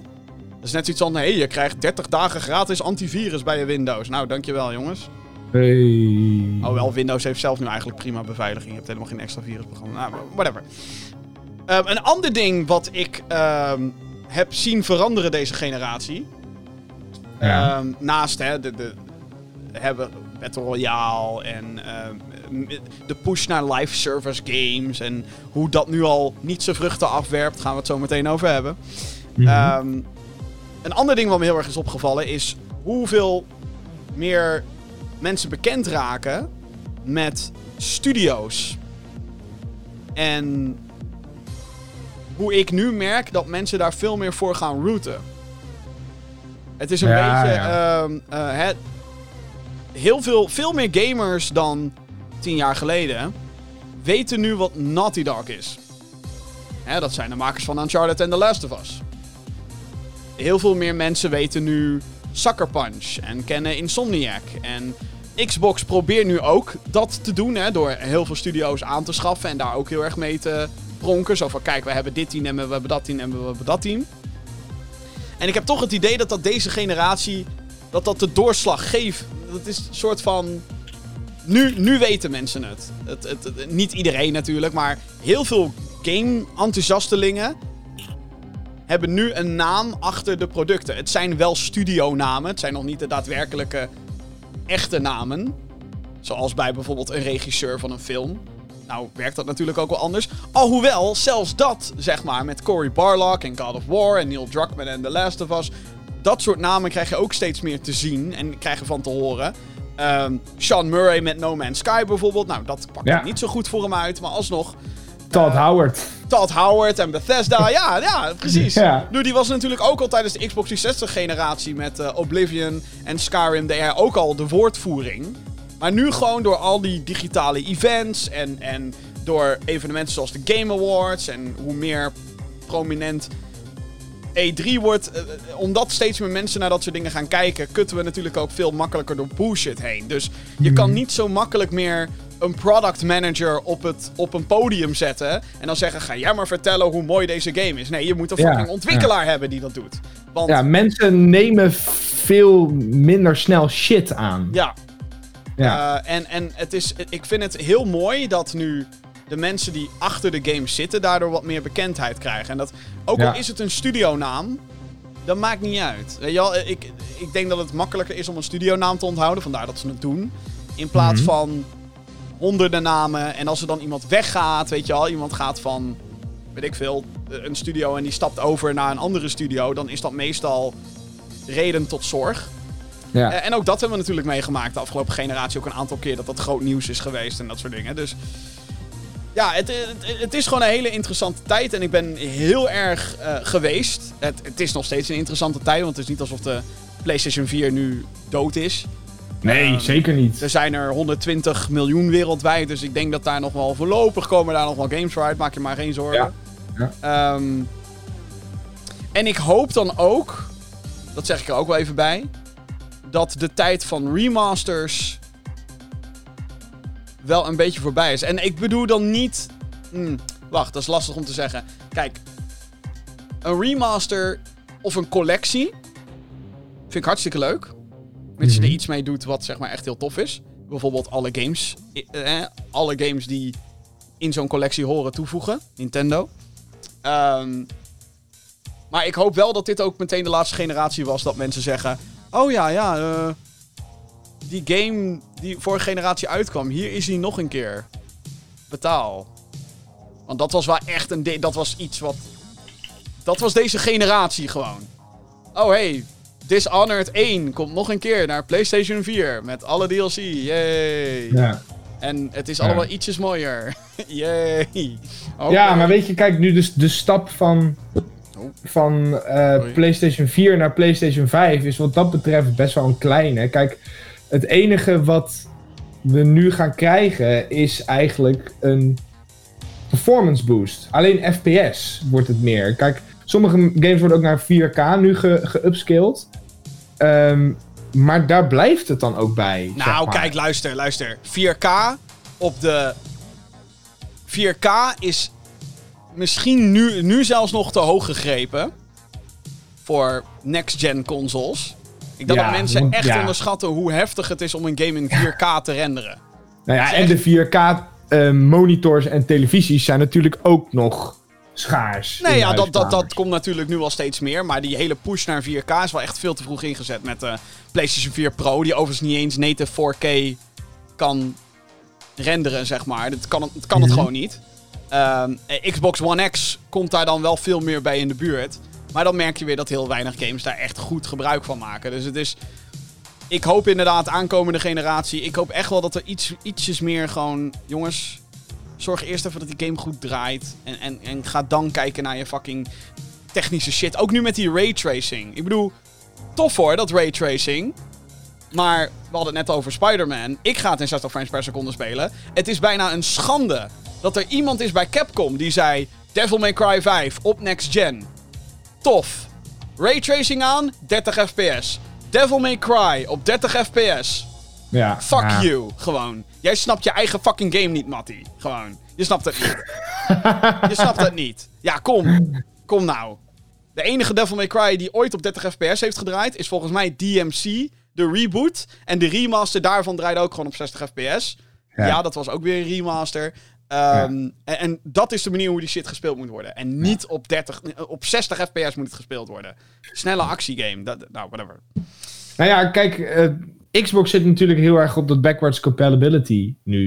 Die Ja. zeggen van alle games die ooit op de originele Xbox, de Xbox 360, de Xbox One en nu de Xbox Series X waren, die kun je straks op de Xbox Series X spelen. De meeste, dus er vast wel uitzonderingen zijn. Ja. Ehm, maar de meeste kun je gaan spelen. En PlayStation die zegt eigenlijk van, ah, fuck dat. PlayStation, PlayStation 4 max, maar al die oude meuk, wat moet je ermee? Weet Nou, je wel? nee, en dat dat, is- ook wel weer zo'n hele- strategie-dingetje. Dat is niet helemaal waar, hè? Ik bedoel, Ghost of Tsushima krijgt wel een patch en dat soort dingen, maar ze, ze, ze pronken er niet zo. En dat is het verschil natuurlijk. PlayStation heeft nu gewoon, die heeft games. Heel lullig. Ja, gezegd. die heeft games. Die heeft games. eh, het enige waar heeft, Xbox... nou ja, kijk, PlayStation heeft nieuwe games. En Xbox heeft heel, heel, heel, heel veel oude games. Ja, maar PlayStation heeft ook heel veel oude games, maar het verschil is, is dat... ehm, Ja, maar in ver- verhouding heeft verhouding. Xbox er meer dan Ja, PlayStation. maar wie heeft er hoger niveau? En ik denk dat daar Ja, PlayStation, PlayStation. makkelijk wint. En nu met die, hele, met die hele PS Games Collection of zo, die op PS5 komt... Ja, PS Plus Collection. Ik denk dat mensen echt vergeten hoe fucking veel value daarachter zit. Zeker voor mensen Ja. zoals jij, die Hey, geen PS4 heeft gehad. En zometeen ineens gewoon bijna alle grote PS4-exclusives in een handomdraai heeft. Dat eigenlijk de enige twee die ik nog moet kopen zijn Horizon Zero Dawn en Ghost of Tsushima. Want, Zit Horizon Eh, niet in die PS Plus collectie? nee, die zit niet in die PS Plus collectie. Nee, Dat- God of War wel en Ja. The Last of Us ook. De 1, niet 2. 1. Eén, ja, inderdaad. Ehm, en eh, er zat nog een grote in. Eh, Uncharted zit erin. Uncharted, inderdaad. Ja, niet de collectie dan. Wel alleen vier. Dat Dat is ook weird trouwens, maar goed, ja. vind ik ook wel weer jammer. En er zat, nog, er zat er nog één in. Eh oh, Days ga Gone. even... Days Gone? Niet? Nee, wel PS er. Plus Collection. Anyway, kijk, de- ehm, en dat is nu ook de richting waar X- Xbox wil ook, zeg maar, die status hebben die PlayStation heeft. Dat Ja. als PlayStation een game uitgeeft, dat je denkt, kijk, we zijn Ja. weer, eh, hè? We zijn weer, eh, Eh, eh, Detroit Become Human. oh, goede game. En, en de Ratchet of Clank Ratchet of Clank en Clank. en Clank reboot. Maar, maar dat is nu ook gewoon het verschil. Als je kijkt nu naar de launches van deze generatie consoles, Gamer Geeks Next Gen, ja, de Xbox-aflevering, heel eerlijk, ik en Johan hebben daarover dis- zitten discussiëren. Het was schraapwerk. Wat de Ja. fuck moeten we uitlichten dan? ja, En Microsoft heeft veel te veel ingezet op Halo en die is uitgesteld. Ja. Dat- Ze hebben gewoon niks. Ik zag, ik zag filmpjes voorbij komen van, van reviewers die hun Xbox binnenkregen. Ja, En dat daar heel groot op de achterkant een foto van Master Chief stond met Power Your Dreams. ja. Dus letterlijk, zeg maar, ze hadden de dozen al gedrukt. En toen werd Halo uitgesteld. Maar dat is zeg maar het grappige. Dat, eh, nou hebben we het vorige week hebben we daar in de podcast al over gehad. Dat ehm, Sony kan Destruction All-Stars gewoon uitstellen naar februari. En Ja. die in PlayStation Plus douwen. Zo van, ja, whatever, we stellen het wel uit. Want we hebben Demon's Souls en we hebben Spider-Man. Klaar. Ja, ja. Wat dan, bitch? Weet je wel? Xbox heeft daar geen kans tegen. Anyway. Ehm, ja, vond ik gewoon even leuk om het daar eventjes over te hebben. Ik doe erop eventjes. Maakt niet uit. Werd wat langer. PlayStation 4, Xbox One, bedankt voor jullie service. Ja, nou, we zijn nog niet van ze af, heb ik het idee. Maar eh, Nee, maar we gaan nu wel verder. we gaan, we- ja, we are moving the fuck on, oké? ja. Oh, wel, ja, ik, ik, weet dus, ik weet dus nog niet hoe mijn console-indeling hier gaat zijn. Want die PlayStation 5 heeft zo ontzettend weinig ruimte op die schijf. Dat ik nog wel een soort Ja. van overweeg om de games die al op mijn PS4 staan, om die in ieder geval nog even door te spelen op PS4. Oh, wel, weet ik eigenlijk niet. Whatever. Zometeen in de Gamer Geeks podcast. Ja, ja, last minute uitstel. Want ook dat gebeurt nog eh, zo laat in het jaar. Eh, de remaster, ja, ja, waar de Melkweg al jaren op heeft gewacht, die komt er ook eindelijk aan. En Avengers gaan disassemblen. En natuurlijk gaan we ook de mailbox nog openen. Heb jij een vraag voor deze show? Mail dan naar podcast.gaminggeeks.nl. Ik zeg podcast.gaminggeeks.nl. Nieuws. Nou, het is een beetje stilte voor de storm. Hè. Nieuwe consoles komen eraan. Dus zoveel gigantisch nieuws is er niet. Oh wel. Mm, ja, ja, goed. Er is wel nieuws natuurlijk. Er gebeurt altijd wel wat in die o zo mooie, vloeiend rijke gaming-industrie. Zeker, zeker. Eh, ja, laten we het eerst even hebben over PT. Want wie stiekem had gehoopt dat PT speelbaar zou zijn op de nieuwe PlayStation 5 door middel van backwards compatibility, die worden teleurgesteld. Ah. Oh. Sony heeft namelijk aangegeven dat het door het toedoen van uitgever Konami is dat deze game absoluut niet meer speelbaar is op de nieuwe console. PT staat voor Playable Teaser en werd ontwikkeld door Hideo Kojima in samenwerking met regisseur Guillermo del Toro en acteur Norman Reedus, bekend van, voornamelijk bekend van The Walking Dead. Ja, en ehm ehm Death Stranding. Death Stranding, inderdaad. ja, ja, precies. Dat werd het project wat ze daarna gingen doen. Het Ja. geheime einde van de demo onthulde dat het ging, van PT dan, eh, onthulde dat het ging om Silent Hills. Een reboot van de horror franchise. Sinds de breuk tussen Hideo Ko- Kojima en Konami is de game al eh, van de PlayStation 4 Store verdwenen, dus de PT. Eh, en kan je deze alleen nog maar spelen als je hem sindsdien op je harde schijf had staan en hem eventueel naar een andere schijf overkopieert. Gebruikers eh, hebben dus al geprobeerd om de game over te kopiëren naar de nieuwe PS5, althans de mensen die hem hadden. Sommige, ge- voor sommige gebruikers is het gelukt om de game werken te krijgen op pre-release apparaten. Maar retailversies kunnen er helemaal niets mee. Daar werkt hij dus gewoon niet op. De laatste tijd gaan er ook nog geruchten rond dat Kojima Productions nu alsnog bezig zou zijn aan een reboot van Silent Hill. Maar er is weinig bewijs om dat te ondersteunen. Dus PT werkt niet op PlayStation 5. Ja, Dankzij- eh, weet je, jouw PlayStation... Want jij hebt hem geïnstalleerd staan, toch? Ik heb hem nog steeds, ja. Die gaat nooit Jouw, jouw PlayStation 4 is juist meer, waar, meer waard geworden. Ja, dat is, die is zeker. eh, nou, dat was toen al, toen het bekend werd dat hij van de PlayStation Store zou verdwijnen. Toen was het Mhm. al een dingetje van. Toen gingen ineens PlayStation 4's met PT erop gingen op eBay omhoog naar 1000 euro of zo. Precies. Ehm, maar het is wel heel opvallend dat Konami dus kennelijk heeft ingegrepen om ervoor te zorgen dat PT niet werkt op de PlayStation 5. Ja. Hoe erg wil je dit begraven, jongens? Ja. Hoe fucking petty is dit? PT, petty. Maar het is ook gewoon dat de fans er nog steeds lyrisch over zijn. Oh ja, Maar zeker. dat gewoon... Konami gewoon... Fuck it, weet je wel? Het kan ons geen reet schelen Ja. wat jullie vinden. Ja.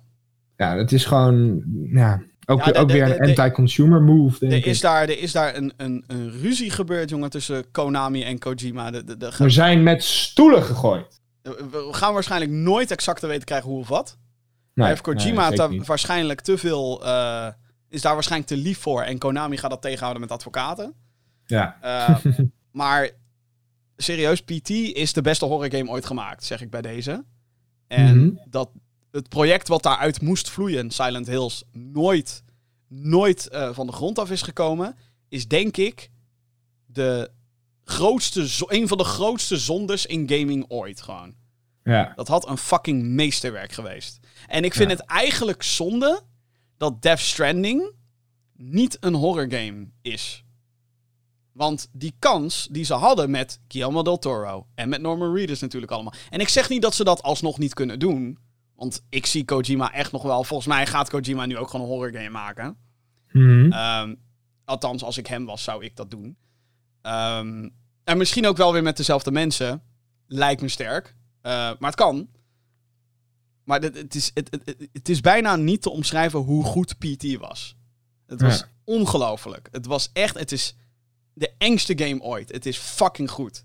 En dat Het was... is, eh, er is een reden waarom ik het nog geen filmpjes van gekeken heb. Het, het, het is, nou, ik, en, en dat is ook een magische. De graphics. En het was PS4, hè, dit, voor de duidelijkheid. Ja, ja, ja. De graphics waren zo fucking mooi. En het is logisch, want het was alleen maar een gangetje. Dus tuurlijk konden ze die in de hoogste details ooit uitrenderen. Maar Mhm. het was zo realistisch dat het fucking eng was. ja, En het sounddesign en de subtiele hints. Dat je een, een, een radiospeaker op de achtergrond hoor je.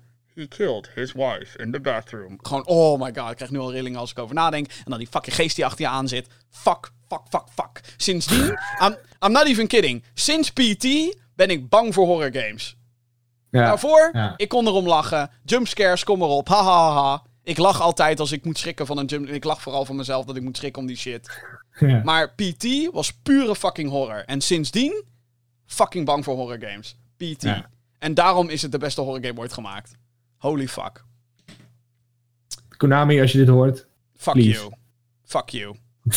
Gewoon, nee, nee, niet peace. Gewoon, krijg de tering. Maar dat...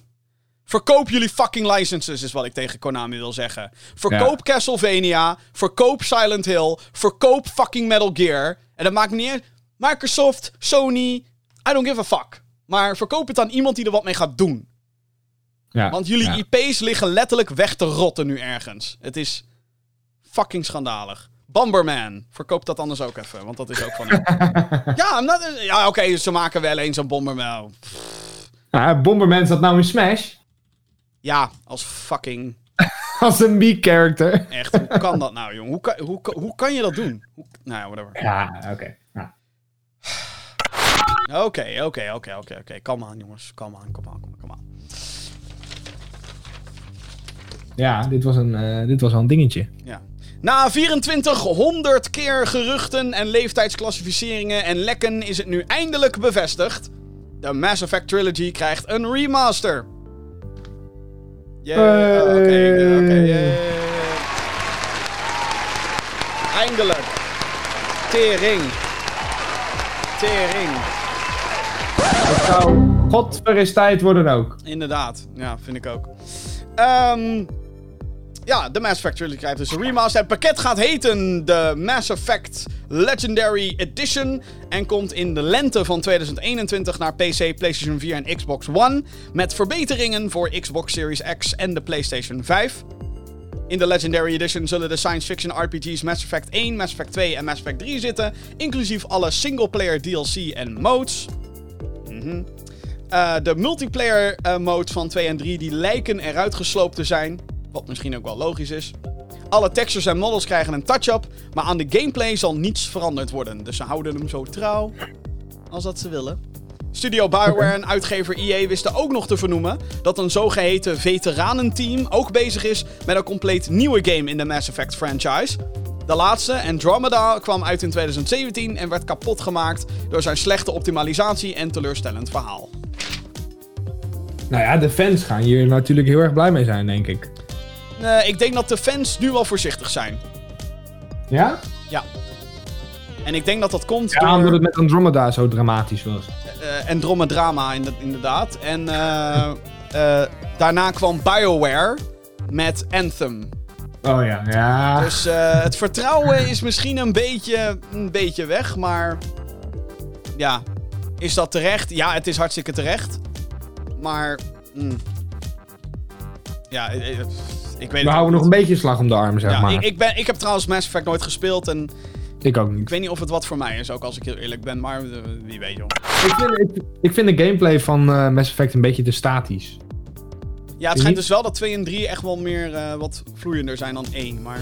Oké. Nou ik- goed, we gaan het zien. Het is zeg maar zo'n. Het lijkt me dan wel zo'n verhaalgedreven trilogy. Want je save games gaan door tussen 1, 2 en 3. Dus het lijkt me kut om zeg maar bij 3 te beginnen. Dat slaat dan helemaal nergens op, weet je wel? Nee, nee. Dus ja, dat. Eh, we hebben weer een paar games die uitgesteld worden. Yay!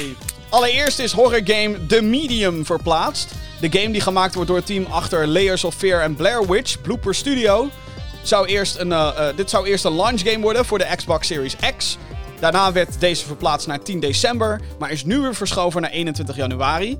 De reden die online gegeven wordt door fans is dat de medium niet op dezelfde datum wilt uitkomen als Cyberpunk 2077. Die staat voor nu op dezelfde dag gepland.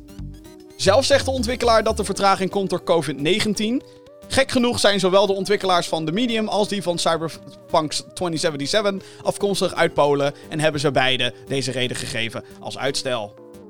Dus dat vond ik dan weer heel geinig. Hmm. Uh, ja, dit is al kut voor uh, Microsoft, denk ik. Want die wil Ja. zo snel mogelijk een goede game hebben voor de Xbox. Die ja, niet... want dit is weer zo'n game, inderdaad, wat je zei, die nou vlak voor de launch van die console is uitgesteld. Ja, nou eerst zou het dus op de launch inderdaad komen. Toen werd het 10 december. Oké, en nu wordt het nog later. Ja. Ehm, dus... hm, hm, hm. Ja, nou ja, weet je, kijk, ik geloof ook wel dat COVID een, een, een, een rol speelt. Ja.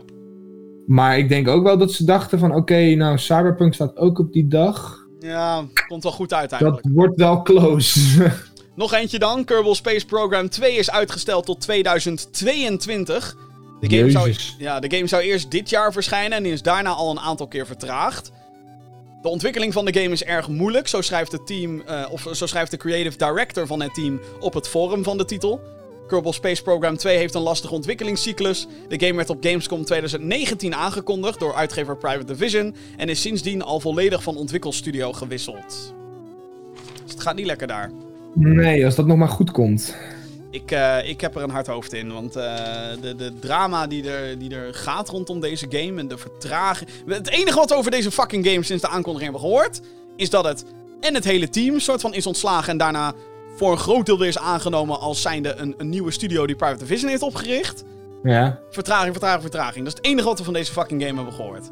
ja, ja. Het is echt, what the fuck. Eh, Kerbal Space Program is trouwens een, ja, een, een, een bouwsimulator voor raketten. Met eh, groene kleine wezentjes. Die dan een kolonie willen vormen op eh, andere planeten. En deel 2 gaat daar dan natuurlijk op uitbreiden. Het is echt een cult hit, met name op Steam. is dit echt een big deal. Ja, ja. Ja, de mensen die custom Steam dingetjes kunnen maken, die zijn er helemaal op losgegaan Ja, op die Het game. is echt, eh, nog steeds wordt het heel veel gespeeld Ja. overigens. Dus eh, doen ze goed. Maar ik, eh, Oh, ja? oh, ik wil nog zeggen, ik denk dat het juist goed is dat ze het nu tot 2022 hebben uitgesteld. Want dan hebben ze tijd om die game te fixen. Eén of twee? Twee. Oh, oké, ja. Want ja, als je al switcht van ontwikkelstudio, dat kan nooit in één keer goed gaan. Ja, daarom. Dan, eh, Sega Japan heeft zijn arcade-divisie verkocht. Of althans, het merendeel ervan dan. Eh, het gaat om 85,1%. Dat is nu in handen van het bedrijf Genda. Die ook een aantal arcadehallen in bezit heeft in Japan. Dus het gaat voornamelijk om hè, arcadehallen en, en, de, en de kasten die er allemaal in staan. Ja, en dat, ja. soort, eh, dat soort dingen. Het is best ingewikkeld allemaal. Dat is in Japan natuurlijk nog een heel groot ding. Eh, overigens blijven de arcadehallen van Sega wel de naam behouden. En betekent het niet dat Sega nooit meer arcade games gaat maken. Maar dat hun invloed en macht binnen de wereld van arcadehallen hiermee een stuk verminderd is, daar is geen twijfel over, eh, over mogelijk. De reden voor het verkopen is de COVID-crisis. Sega kan het financieel gewoonweg niet meer hebben om de volledige divisie te behouden. Dat is jammer, hè? Ja. Nou ja, ik, volgens mij, ik heb nog nooit een... een ja, het is, eh, het is iets in Japan, denk ik. Ik wil het zeggen, ik heb nog nooit zo'n arcadehal gezien. Nee, dit is, echt, eh, dit is echt voornamelijk een Japan-ding. En het heeft best wel veel invloed op eh, Sega als bedrijf. Omdat daar gewoon big business in zit. Net zoals Konami, waar we het eerder over hadden. Ehm, ja, die, die, hu- hun business zit voor een merendeel in gokmachines en wellness centers, geloof het of niet. Ja. Van Konami dan, niet van Sega. Eh, en ja, ik, in, in Japan, van wat ik heb gehoord, ik ben er zelf nog nooit geweest, RIP. eh, maar daar schijnen arcades nog echt wel gewoon fucking big deal te zijn en zo. Ja. Dus eh, dat zou zeg maar een van de redenen zijn waarom ik naar Japan wil. Omdat ik dan fucking dat soort shit kan doen. Ja. Ja. Nou ja, kijk, in, in die zin een slimme, zin, of een slimme zet door, eh, door Sega, denk ik. Want als zij nu al zeggen van jongens, wij kunnen dit niet handelen. Nou ja, of Ja. sluit de boel, of koop het. Ja, precies. Voordat En ik denk dat er, nu, eh, dat er nu iemand heel erg blij is die, eh, Die straks die, eh, die Sega arcadehallen heeft. En dat hij gewoon over de rug van Sonic en zijn companen geld kan gaan verdienen. ja. Oh, man, man, man. We hebben het er ook al vaker over gehad in deze show. Over hoe het eh, niet zo heel erg lekker gaat met eh, Avengers. En dat blijkt ook wel weer. Volgens een financieel rapport gaat het inderdaad niet goed met Marvel's Avengers. Ja, met de game, hè? De game. Ja, de, de game inderdaad. De game kwam in september van de dit films gaan best lekker nog steeds. Dat denk ik ook wel, ja. Ik denk dat Disney Ja. Plus eh, wordt denk ik wel veel bekeken. De Ja. game eh, kwam in... De game hebben we dus nogmaals over. Kwam, kwam in september van dit jaar uit en heeft niet gepresteerd zoals in principe werd verwacht. Door uitgever Square Enix. Volgens een financieel analist uit Japan heeft de game ongeveer 60% verkocht van wat het verwachte aantal was geweest. Volgens de cijfers is de game nu zo ongeveer 3 miljoen keer over de toonbank gegaan. Dus ik denk dat ze zeker wel 5 tot 6 miljoen hadden verwacht dan. Heel snel rekenen is dat. Hmm, whatever. Uh, Marvel's Avengers is een third-person actiegame met de bekende superhelden in de hoofdrol zoals Thor, Hulk, Black Widow, Captain America en Iron Man. De game is gemaakt door Tomb Raider studio Crystal Dynamics. De game is volgens gamers teleurstellend vanwege zijn eentonige design en een push naar live service content die nog saaier lijkt te zijn. Nog meer grinden, nog meer microtransacties en nog meer we fixen het later wel. Nou, even serieus. Ik, ik heb alle Marvel films gezien. Ik zie mezelf als een Marvel fan. Ik vind het echt helemaal fantastisch, alle films. En, het, en de universe die ze neerzetten en de characters. Eh, Maar dit? maar deze game zag er oprecht zo kut uit. dat ik gewoon niet eens erover na heb gedacht om deze game te halen. Ja. Ja, zeg maar, want wij hebben, hem, wij hebben hem op Gamescom gespeeld in 2019. ja, toen calden we het al natuurlijk, hè? En toen zeiden we eigenlijk al met z'n, met z'n drieën, Vincent had hem ook gespeeld geloof ik. Ja. Ehm, dat dit wordt niks. Ja. Nee, ja, het is dus, eh, werk aan de winkel was toen onze boodschap. En ehm, Ja. dat is meestal geen goed teken. En Nee. het is... ehm, ja, het is, het is toch heel interessant, want... ehm, we hebben het er nu denk ik net zo vaak over als dat we het bijvoorbeeld over Anthem hebben gehad. En hoe het niet goed ging met die game en zo. Ja. En hoe ook daarvan de DLC eerst werd uitgesteld en vervolgens werd gecanceld. Nu is hier nog geen DLC gecanceld, maar... Mhm. hmm. ja, Ja, het wordt toch wel lastig om, nou ja, met eh 60% eh, van, de, van de verkopen, om dan nog even volle bak DLC te gaan maken. Nou ja, so- bij sommige dingen zijn ze, hebben ze natuurlijk al contracten en dat soort shit. Eh, want eh, neem bijvoorbeeld de exclusiviteitsdeal met eh, PlayStation en Spider-Man. Ja, Ehm, ja. Daar moeten ze sowieso aan gaan voldoen.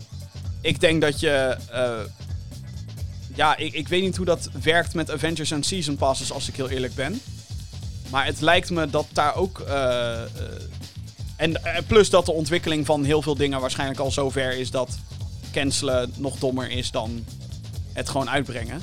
Ja. Ehm, maar ja, dit is wel eh, 60% maar van ja. de verwachte verkopen. En ja. Weet je, Ze, hadden, ze hadden nooit die live service route moeten kiezen. Ze hadden gewoon, zeg maar, een. Ja, dat, dat klinkt dan misschien heel stom, maar een Jedi Fallen Ordertje moeten doen. Zeg maar. Dus gewoon echt een tof verhaal met, met toffe combat mechanics. En dat is het dan, weet je wel? Nou ja, kijk, de zorgen die ik altijd al heb gehad toen überhaupt het project werd aangekondigd, eh, was hoe ga je een game maken waarbij alle superheroes even tof voelen.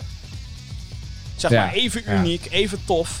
Want je merkt dat dan met Spider-Man op PS4. ehm, ja, dat dat toch wel een hele kunst is om, om in de schoenen te staan van, van die, dat bepaalde character. Hè? Makes you feel like Batman, zou IGN gezegd hebben. Ja, Maar er is een reden waarom daar natuurlijk een hele aparte game voor is. En waarom ze niet. Hè, waarom meestal de games met meerdere superhelden vaak generic. Hè, Marvel Ultimate Alliance en. eh, en ehm, God, eh, Le- de Lego games bijvoorbeeld. Daar speel je natuurlijk ook als heel veel verschillende personages. ja. Maar die ja. voelen allemaal al redelijk hetzelfde aan. En als je een big budget Avengers game gaat maken, dan hoop je natuurlijk op Spider-Man-achtige tafereelen. Maar dan dat elke hero apart speelt en voelt. Maar dat kan bijna niet, omdat al die heroes zo juist apart van elkaar zijn. Ja, En daar waar je dat natuurlijk in een film kan je dat super vet belichten. En, en, eh, en dan krijg je die, die, die grote Avengers scènes met Hulk, Smash, Iron Man vliegt door de lucht en Captain America staat met Black Widow op de grond te vechten tegen mannetjes.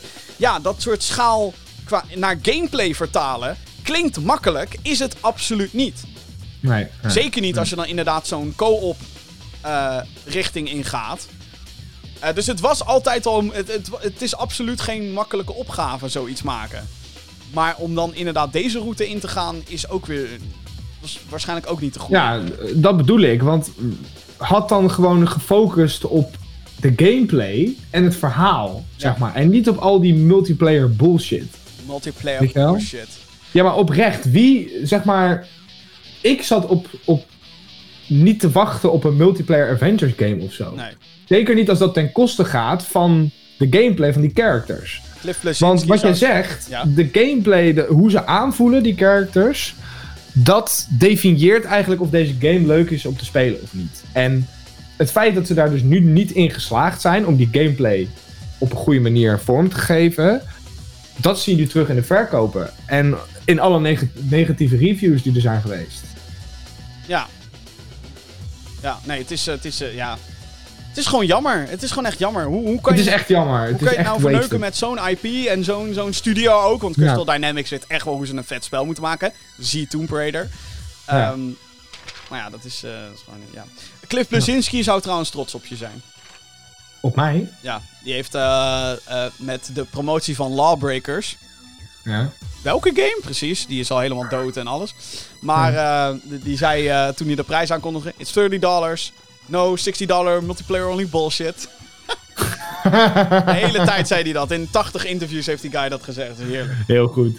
Ah, ja. Ja, ja. Mooi. Ehm, maar goed, eh, eh, er zit wel singleplayer in Avengers trouwens. Maar eh, whatever. Ga maar spelen ooit een keer. Misschien als hij in de budgetbak ligt. Want dat gaat sowieso gebeuren. Precies. Als hij voor een tientje ligt of zo, dan... Ja. Ah, ja, dit is eigenlijk een gym dingetje, dit, dit nieuwtje. Dus eh, zet uw schrap, dames en heren. Blood Rain en Blood Rain 2 krijgen remasters. dit zijn third-person actiespellen uit 2002 en 2004. Waarin je als een half mens eh, en half vampier speelt. Blood Rain dus.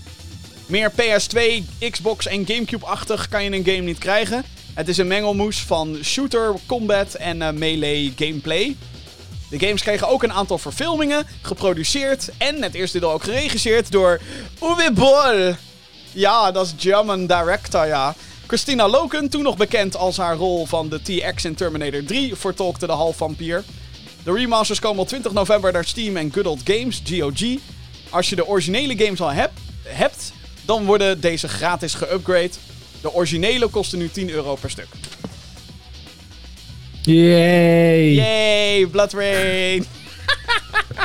Ja, dit is niet mijn game. Dit is, nee, dit is niks voor mij. Heerlijk man, die cheesy oude Zero's PS2 meuk, let's fucking go. Breng al die shit terug. Breng alles maar terug. Freedom Fighters is al terug. 13 krijgt morgen zijn remake. Blood Rain komt terug. Bring all... THQ Nordic, waar de fuck zijn jullie? Jullie hebben de fucking Timesplitters license. Waar de fuck, waar de fuck zijn die dingen? Waar de fuck is die collectie? Let's fucking go, Matty. Let's go. THQ Nordic, Gor of, eh, eh, hoe heet shit? Red Faction 1 en 2 remastered. Let's fucking go. Let's fucking go, Matty. Jim staat klaar met zijn portemonnee hoor. Iemand met de 007 license, Nightfire remaster. Let's go. GoldenEye, hallo. Ja, GoldenEye is al tien keer geremaked. Let's fucking go. Nightfire, Agent Under Fire, The World Is Not Enough. Let's... Nee, dat is een film. Hoe heet die ene nou? Fuck. Ehm, Bloodstone of zoiets. Nee, nee, nee, nee, nee. Fuck. Eh... Kut. Ja, er was er nog eentje met Pierce Brosnan. De fucking James Bond, James Bond game Pierce Brosnan. Let u op. Niet Nightfire. Deze is het. Everything or Nothing, zo heette die. Breng al die shit terug, jongens. Ja, of maak gewoon een eentje met Daniel Craig. Hey. Die stopt ermee. Dus maak Ja. hem nu gewoon maar alvast met e- eentje met Idris Elba. Dan zijn we er ook vanaf. Ja, ja, ja, vooruit. Sowieso een big budget James Bond game. IO Interactive, de makers van Hitman. Kom maar Let's door. go, Let's go.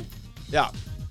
Nou, nu we het er toch over hebben, is er een game uit, de, uit de, het PS2-tijdperk. Wat je niet meer PS2 kan maken. Dan dat- waar jij nog een remaster van zou willen zien? Of een re-release of whatever, weet je dat het werkt. Ik heb, ik heb de PlayStation 2 helemaal niet meegemaakt. Ik had een PlayStation 2, Ja, maar ik speelde alleen maar kids games. Oh, oké. Ik was toen... Hoe oud was ik? Ik denk dat ik 7 of 8 was toen Dus dat ding... die, dus die SpongeBob remaster was perfect, zeg maar. Ja, ja. Maar ja, ik vond hem niet zo... hm. Oké, ja, ja. Hmm. Ik zit net te bedenken Maar goed, dat was ook, dat, het was ook omdat het, de SpongeBob Remaster heel erg een kindergame is. En toen der tijd vond ik dat natuurlijk helemaal fantastisch. Maar toen ik dat nu weer speelde op Gamescom, toen dacht ik van ja, oké. Ja. Het, is nos- het is voor nos- nostalgie dit, maar zo'n fantastische game is het. Dus ik heb hem lekker overgeslagen. Silent Hill 4 is trouwens ook onlangs nog eh gere-released. Konami. Potdomme. Dat kunnen ze dan weer wel. Ja, op GOG trouwens. By the way, als iemand de rechten heeft tot The Suffering, die game, bring it the fuck back gewoon. Dat was één fucking lauwe game. Oké. Fucking lauw was dat. Let's fucking go, Matty. Let's go, let's go, Let's fucking go, Matty. let's go. Let's go gewoon. Ik ben helemaal hyped om zeg maar. Helemaal fucking hyped hier, hoor. Gewoon hyped om Zero Games. Oké, eh, ik hoop dat dit de juiste knop is. Heb jij een vraag Ja, voor de show? Mail naar podcast.gamergeeks.nl Oh, oh, oh, oh, oh, oh, oh, oh, oh. Man, man, man. De 150ste aflevering van de Gaming Geeks podcast. Die gaat 150 minuten duren. Ha, grapje. Nou, Hoop ik. zit er wel bijna aan. Ja. Eh, beste heren van deze fijne podcast, dat mailt Marijn. Ten eerste wil ik even zeggen dat het weer heerlijk is dat jullie weer terug zijn na een korte pauze. Ik geniet er elke keer weer van op de fiets terug naar huis vanuit school. Jezus, hoe lang fiets jij? oh, sorry. Maar misschien heen en terug. Ja, dan. nee, hij luistert het waarscheinlijk in etappes, denk ik. Eh, daarvoor... Etappes, snap je hem? Hey, fietsen. Hey. eh, Oké, ik doe hem zelf wel even. Leuk weer. Daarvoor dank. Mijn vraag. Ik ben erg aan het twijfelen om een PlayStation 5 te kopen. Maar ik moet nog zoveel games op mijn PlayStation 4 spelen dat ik, eh, dat ik denk dat ik er nog niet per se één nodig heb. Sorry, ik kon even niet lezen. Hoe lang denken jullie eh, dat Sony de PlayStation 4 gaat ondersteunen? En dus wanneer ik echt aan een PS5 moet gaan? Of misschien wel een Slim of een Pro-versie? Ja. Groetjes van Marijn. Ik Ehm, denk... Ja. Ik denk dat de PlayStation 4 nog een jaar tot twee jaar ondersteund gaat worden. Ik denk En dat ze daarna geen games er meer voor uit gaan brengen. als je het hebt over Sony zelf, dan denk ik dat dat nog ehm, tegen kan vallen. Oh, kijk, Horizon komt naar PS4. Dat weten we. Dat, dat is Inmiddels? 2021 najaar. Ja, Ja. ik, als God of War inderdaad volgend jaar uitkomt, de nieuwe, dan kan het bijna niet anders dan dat hij ook naar PS4 komt. Tenzij ze echt alle grafische snufjes uit de kast trekken. ja. Maar ze hebben al wel bevestigd dat Ratchet Clank, de nieuwe, echt alleen voor PS5 gaat worden. Dus Ja. het is niet zo dat zij nu nog een jaar gewoon alle games ook op PS4 blijven neerzetten. Nee, de toptitels niet. Maar misschien ja, wat kleinere projectjes. Jij noemt Horizon een kleiner project. Nee, ik noem Horizon niet een klein projectje. Hallo hè. zeg, jeetje. Maar na, na Exact. 2021, zeg maar. Oh, Dus Eh. we, weten dat, we weten dat Horizon gepland staat voor het najaar van 2021. ja. Laten we dat dan even als, als deadline stellen voor de PlayStation 4. Zo van letterlijk de deadline. Ja. Ehm, Deadline, ik vind hem leuk. ja, deadline. Ehm, misschien dat ze daarna nog wel zeggen van joh, eh, weet je, bijvoorbeeld zo'n Bugsnacks. Bugsnax. als als zo'n game in het voorjaar van 2022 uitkomt. Dat ze dan zeggen, joh, we gooien hem ook gewoon op PlayStation 4. Kan mij het komt schelen. PlayStation 4. Ja, ja, ja, dat weet ik. Maar dat is, dat is, dat is een, natuurlijk een veel kleinschalige, kleinschalige game dan Horizon eh Forbidden West, zeg maar. Ja. Wordt ook niet uitgegeven technisch gezien door Sony, dus dat, daar zit ook al verschil in. Het is maar een voorbeeld. Ik weet het, ik weet het, ik weet het. Maar alsnog. Ehm, nee, kijk, de PlayStation 4, kijk, de, de, de- wat ik net al zei, er zijn 120 miljoen PS4's in het wild. Ongeveer, give or take, whatever. Mhm. Ehm, misschien, eh, waarschijnlijk meer dan dat. En dus zou het eigenlijk dom zijn om nu al te zeggen, fuck PS4. Doen ze ook niet, want hey, Spider-Man Nee. Miles Morales en er zijn een aantal games dus die inderdaad nog komen. Ehm, laat ik het zo zeggen, je gaat je niet vervelen nog op je PS4, Nee. denk ik. Tenzij je echt alles al hebt uitgespeeld en dat soort dingen. Maar ja, en zeker als je nu zelf al zegt van er zijn nog zoveel games die ik moet spelen. Speel ze gewoon op je PS4. Ja, nou ja, tenzij je inderdaad die premium ervaring wilt, dan, hè, weet je, dan, dan zou ik gewoon zeggen, joh, ga, ga voor een PS5. Maar Het, het, het, het- kijk, voor, voor, voor mij is het heel makkelijk, want ik ben gewoon iemand zoiets uit van... Er komt iets nieuws, ik moet het hebben. Dat ben ik gewoon. Ja, maar zo ben ik dus niet, hè. Dus ik ben echt het tegenovergestelde van jou. Ik ben, Ehm, en Zeg- ik zou zeg- zeggen, van, joh, speel gewoon de games die je wil spelen op je PlayStation 4. Zegt degene met een fucking 1500 euro VR headset, hallo. Nou, Nou, wat is dit nou weer voor opmerking? ik, ik, ik, heb een, ik heb een tweede handje gekocht, hè. oh, Hallo. oh ja, dat is waar, dat is waar, dat is waar. Ik heb geld bespaard, je weet wel. Ik weet nu gewoon dat er een Oculus Quest 2 op je schoot zit. Nee, Oh, nee. dat nee. stel me dan Kijk. Nee, niks. Nee, doe broek dicht, broek dicht, Jappie. Oh, oh, oh Omhoog, shit. omhoog, shit. omhoog. Eh, eh, eh, Je broek dan, ander hè, je broek, je Eh, broek moet nee, omhoog. Nee, ik denk... Nee, ik, denk, wa- ik zeg...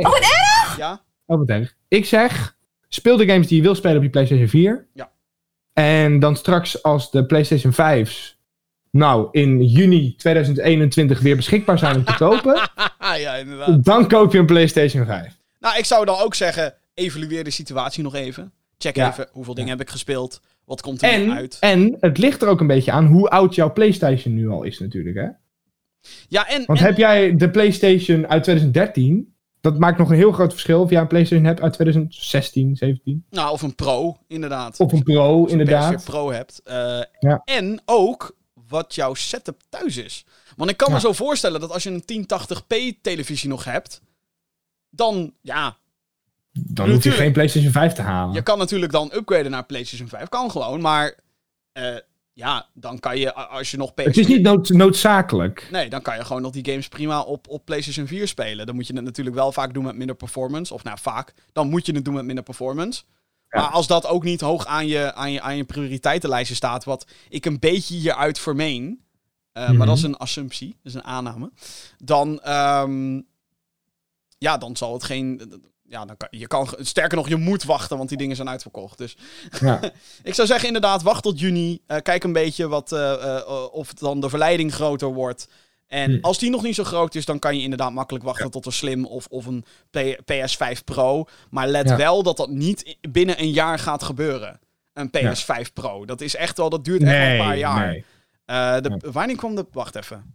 Wanneer kwam de PS4 Pro uit? PS4 Pro Goeie vraag. Pro release date. Wanneer kwam dat ding uit? Dat was. Ik wil. Wiki. Wiki, wiki, wiki. Ik heb echt geen idee. Was dat 2017, 2016? Eh Pro. Denk ik. Even kijken. Dat weet ik echt niet zeker hoor. Pro fucking. Waar is de release data? Oh jee. Fucking hell. Ik kan het gewoon niet vinden.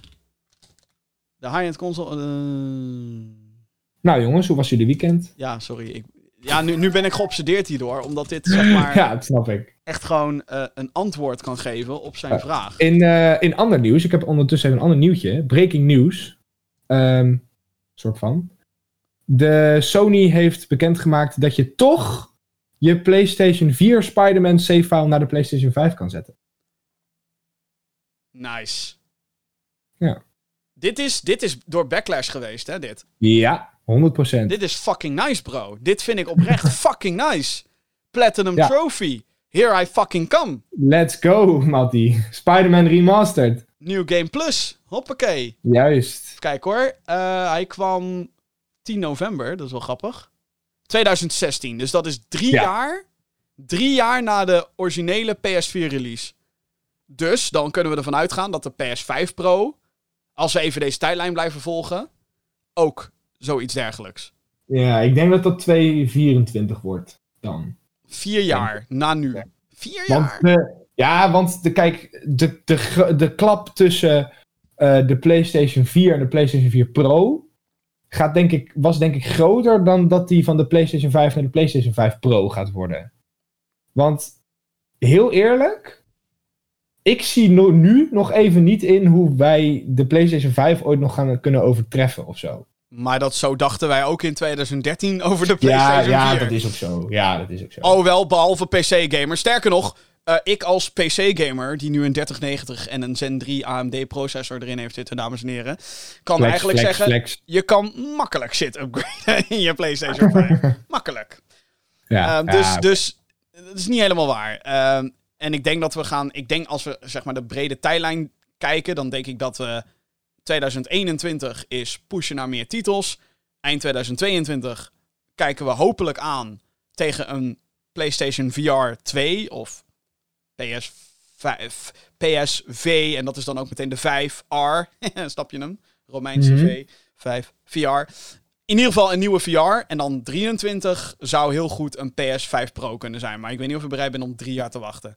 En het Ja. ligt er inderdaad aan, wat gaat de stap worden? Dat wordt dan Ja. waarschijnlijk de, de echte push naar 8K, weet je wel? Dat wordt dan echt 8K. Nou, misschien alles 4K 60, maar 8K. Jongens, ze hebben vier jaar geleden inderdaad, wat ik hier al lees, hebben ze al Ja. de push naar 4K gedaan, hè? Toen was het allemaal 4K, 4K, 4K. Ja, Dus dan komt die 8K gimmick komt zo om de hoek kijken. Het is makkelijk. Gewoon- ik weet het niet. We gaan het zien. Of ze gaan het dan ineens promoten als 2100p. Ah, rot op. Wat, Gewoon gewoon, 8K. wat gewoon 4K is natuurlijk. Oh, 4K, ja, ja. Nee. Dus, maar wel een eh, leu- leuk mailtje Marijn. Thanks daarvoor. En tof dat je luistert natuurlijk naar deze show. En we hebben een... Mailbox minigame. Oh, Ja, dat is even geleden. dat is echt even geleden, ja. Je Ja? zou bijna vergeten zijn dat dit onderdeel in de show zat. Dat komt natuurlijk omdat hij van de luisteraars moet komen. Dus heb jij een idee voor een mailbox minigame? Het kan elk vorm van een spelletje zijn die wij hier in deze show kunnen doen. Ehm, ja, mail het. Podcast.gaminggeeks.nl Ruben die heeft eentje gestuurd. En het is weer een dit of dat. Oké, Een dit of datje. Wij moeten, we moeten kiezen. Dat is het, eh, ja. dat is het idee erachter. Ik kan heel goed kiezen. Ja, ben je er klaar voor? Ja, ja, Ja, zeker weten. Oké. Eh, Fear of Bulletstorm. Het gaat hier om de shooters. Echt geen idee. Wat? Oké. Ken, ken ze allebei niet. Oké, nou dan zal ik je even omschrijven. Fear is zeg maar een, ehm, een, een first-person shooter met eh, bullet time, dus slow, slow-mo. En eh, Ja. horror elementen. Een beetje de, de, de ring, zeg maar, dat, klei, dat meisje met dat lange haar. Oh, dan ga ik voor die andere. Ja. Oké, en Bulletstorm? Bulletstorm is zeg maar een, eh, een, een, een shooter waarbij je allemaal combo's en punten moet maken door gasten in, in, in, in spikes te trappen. En je hebt een grappling hook en dan kan je gasten naar je toe trekken, die kan je er wegtrappen. En dat is best wel een vette game. Ja, dat is meer voor mij. Ik ga voor Bulletstorm. Ik vind ze allebei dus super vet. Echt allebei fucking vet. Als we toch over eh, games hebben uit de 2000's die terug moeten komen. Fear, let's fucking go. Een, een remake of een reboot, I don't fucking care. Let's go. Doe maar. Oei. Anyway, ehm, maar ook mijn persoonlijke stijl, als ik moet kijken naar wat, wat ik het leukste vind om te spelen, ga ik ook voor Bulletstorm, ja. Oké. Far Cry 4 of Far Cry 5? Ehm Far Cry 4 is in Tibet en Far Cry 5 is in Trump's America. Ik denk Far Cry 5. I also think Far Cry 5 is way better. We have easily won this election. It's Yes. easy. It's It Far also Cry 5. has a wall. It also has a wall. Invisible walls. Because it's an open world game. You stupid fox. Nee, eh, Far Cry 5 eh, eh, vi- vond ik leuker persoonlijk. Maar Ja. Dan de volgende. Far Cry 3 Blood Dragon of Far Cry New Dawn. En waarom deze twee? Ik weet waarom. Omdat het allebei spin-offs zijn van het deel daarvoor. Dus Far Cry New Dawn is een soort van semi-vervolg. Een post-apocalyptisch semi-vervolg op Far Cry 5. En Far Cry 3 Mhm. Blood Dragon is een cyberpunk... eh, overdreven jaren 80 eh, eh, cyberpunk Ja. game. Ja, ik hoor Cyberpunk, dus ik ga voor eh Blood Dragon. Eh, ja, ik denk ook dat ik Blood Dragon gewoon grappiger vind en leuker. Ehm, maar ik vond Far New Dawn niet heel slecht of zo. Maar goed, whatever. Shadow Warrior 1 of 2? En dit is een strikvraag, denk ik. Want je hebt Shadow Warrior. Je hebt Shadow Warrior 2013. En dan heb je Ja. Shadow Warrior 2. Dus eh, ik, ik zet die nu gewoon als optie erbij. Bij Ja. deze. Het origineel, de reboot of deel 2? Jeppie, heb jij enig idee? De reboot. Yes, goed zo. Geen idee, ja. Ik ga voor het origineel natuurlijk. Ehm, maar ik vond ze alle drie wel leuk. Alleen twee probeerden iets te veel Borderlands te zijn. En daardoor Oké. leidde het eh, level design en het enemy design had daar nogal... En de variatie was ook niet echt heel hoog. Ondanks dat het soort van random generated levels had. Maar dat... eh, het was wel heel vet, maar het was gewoon net niet. En Shadow Warrior Oké. 3, die komt volgend jaar. fucking veel zin in die game, maat. Holy shit. Heb je die gameplay gezien? Oh my god. Eh, zoek maar op op YouTube als je, dit, eh, als je deze show hebt afgeluisterd. Shadow War, Oh, oh, volgens mij zat dat niet in die, eh, in die showcase van, Devolver, Devolver. van Devolver, inderdaad. Zeker, zo. Ja, dat, ja oké, dat zag er wel dope uit hoor. Ik Ja. had een nat broekje hoor. Layers Ja. of Fear 1 of 2? Zijn er ook nog games die ik wel gespeeld heb? Of, eh? Eh, ik ga voor 1, want 2 heb ik nooit gespeeld. Next, Amnesia of Soma? Horror, we zijn in de horrorsfeer hè. Ik denk Amnesia. Oh, wel Soma Ja. klonk wel heel interessant omdat het science fiction was. Whatever. Resident Evil 2 origineel of Resident Evil 3 origineel? Jezus. Hier je, heb je helemaal Ja, maar ik heb dit allemaal niet gespeeld. Ik denk 2 origineel, denk ik. Geen idee. Oké, ik ga met jou mee. En dan de laatste, Assassin's Creed Syndicate of Assassin's Creed Rogue? Hè, eentje die ik wel gespeeld heb. Eentje Nou. van de twee. Nee, ik heb, nee, ik heb ze allebei gespeeld. Oh, oké, nice. Ja. Eh, ja, ik vond Syndicate heel tof, dus ik ga voor Syndicate. Ik vind deze lastig, want eh, Rogue was eigenlijk gewoon een soort van standalone expansion op 4. En 4 was heel goed. Ja, maar het was gewoon Black Flag 2.0 was het. Ja, ja eigenlijk wel, ja. Ja. Maar, Syndicate was... Nee, ja, Syndicate. Gewoon Syndicate.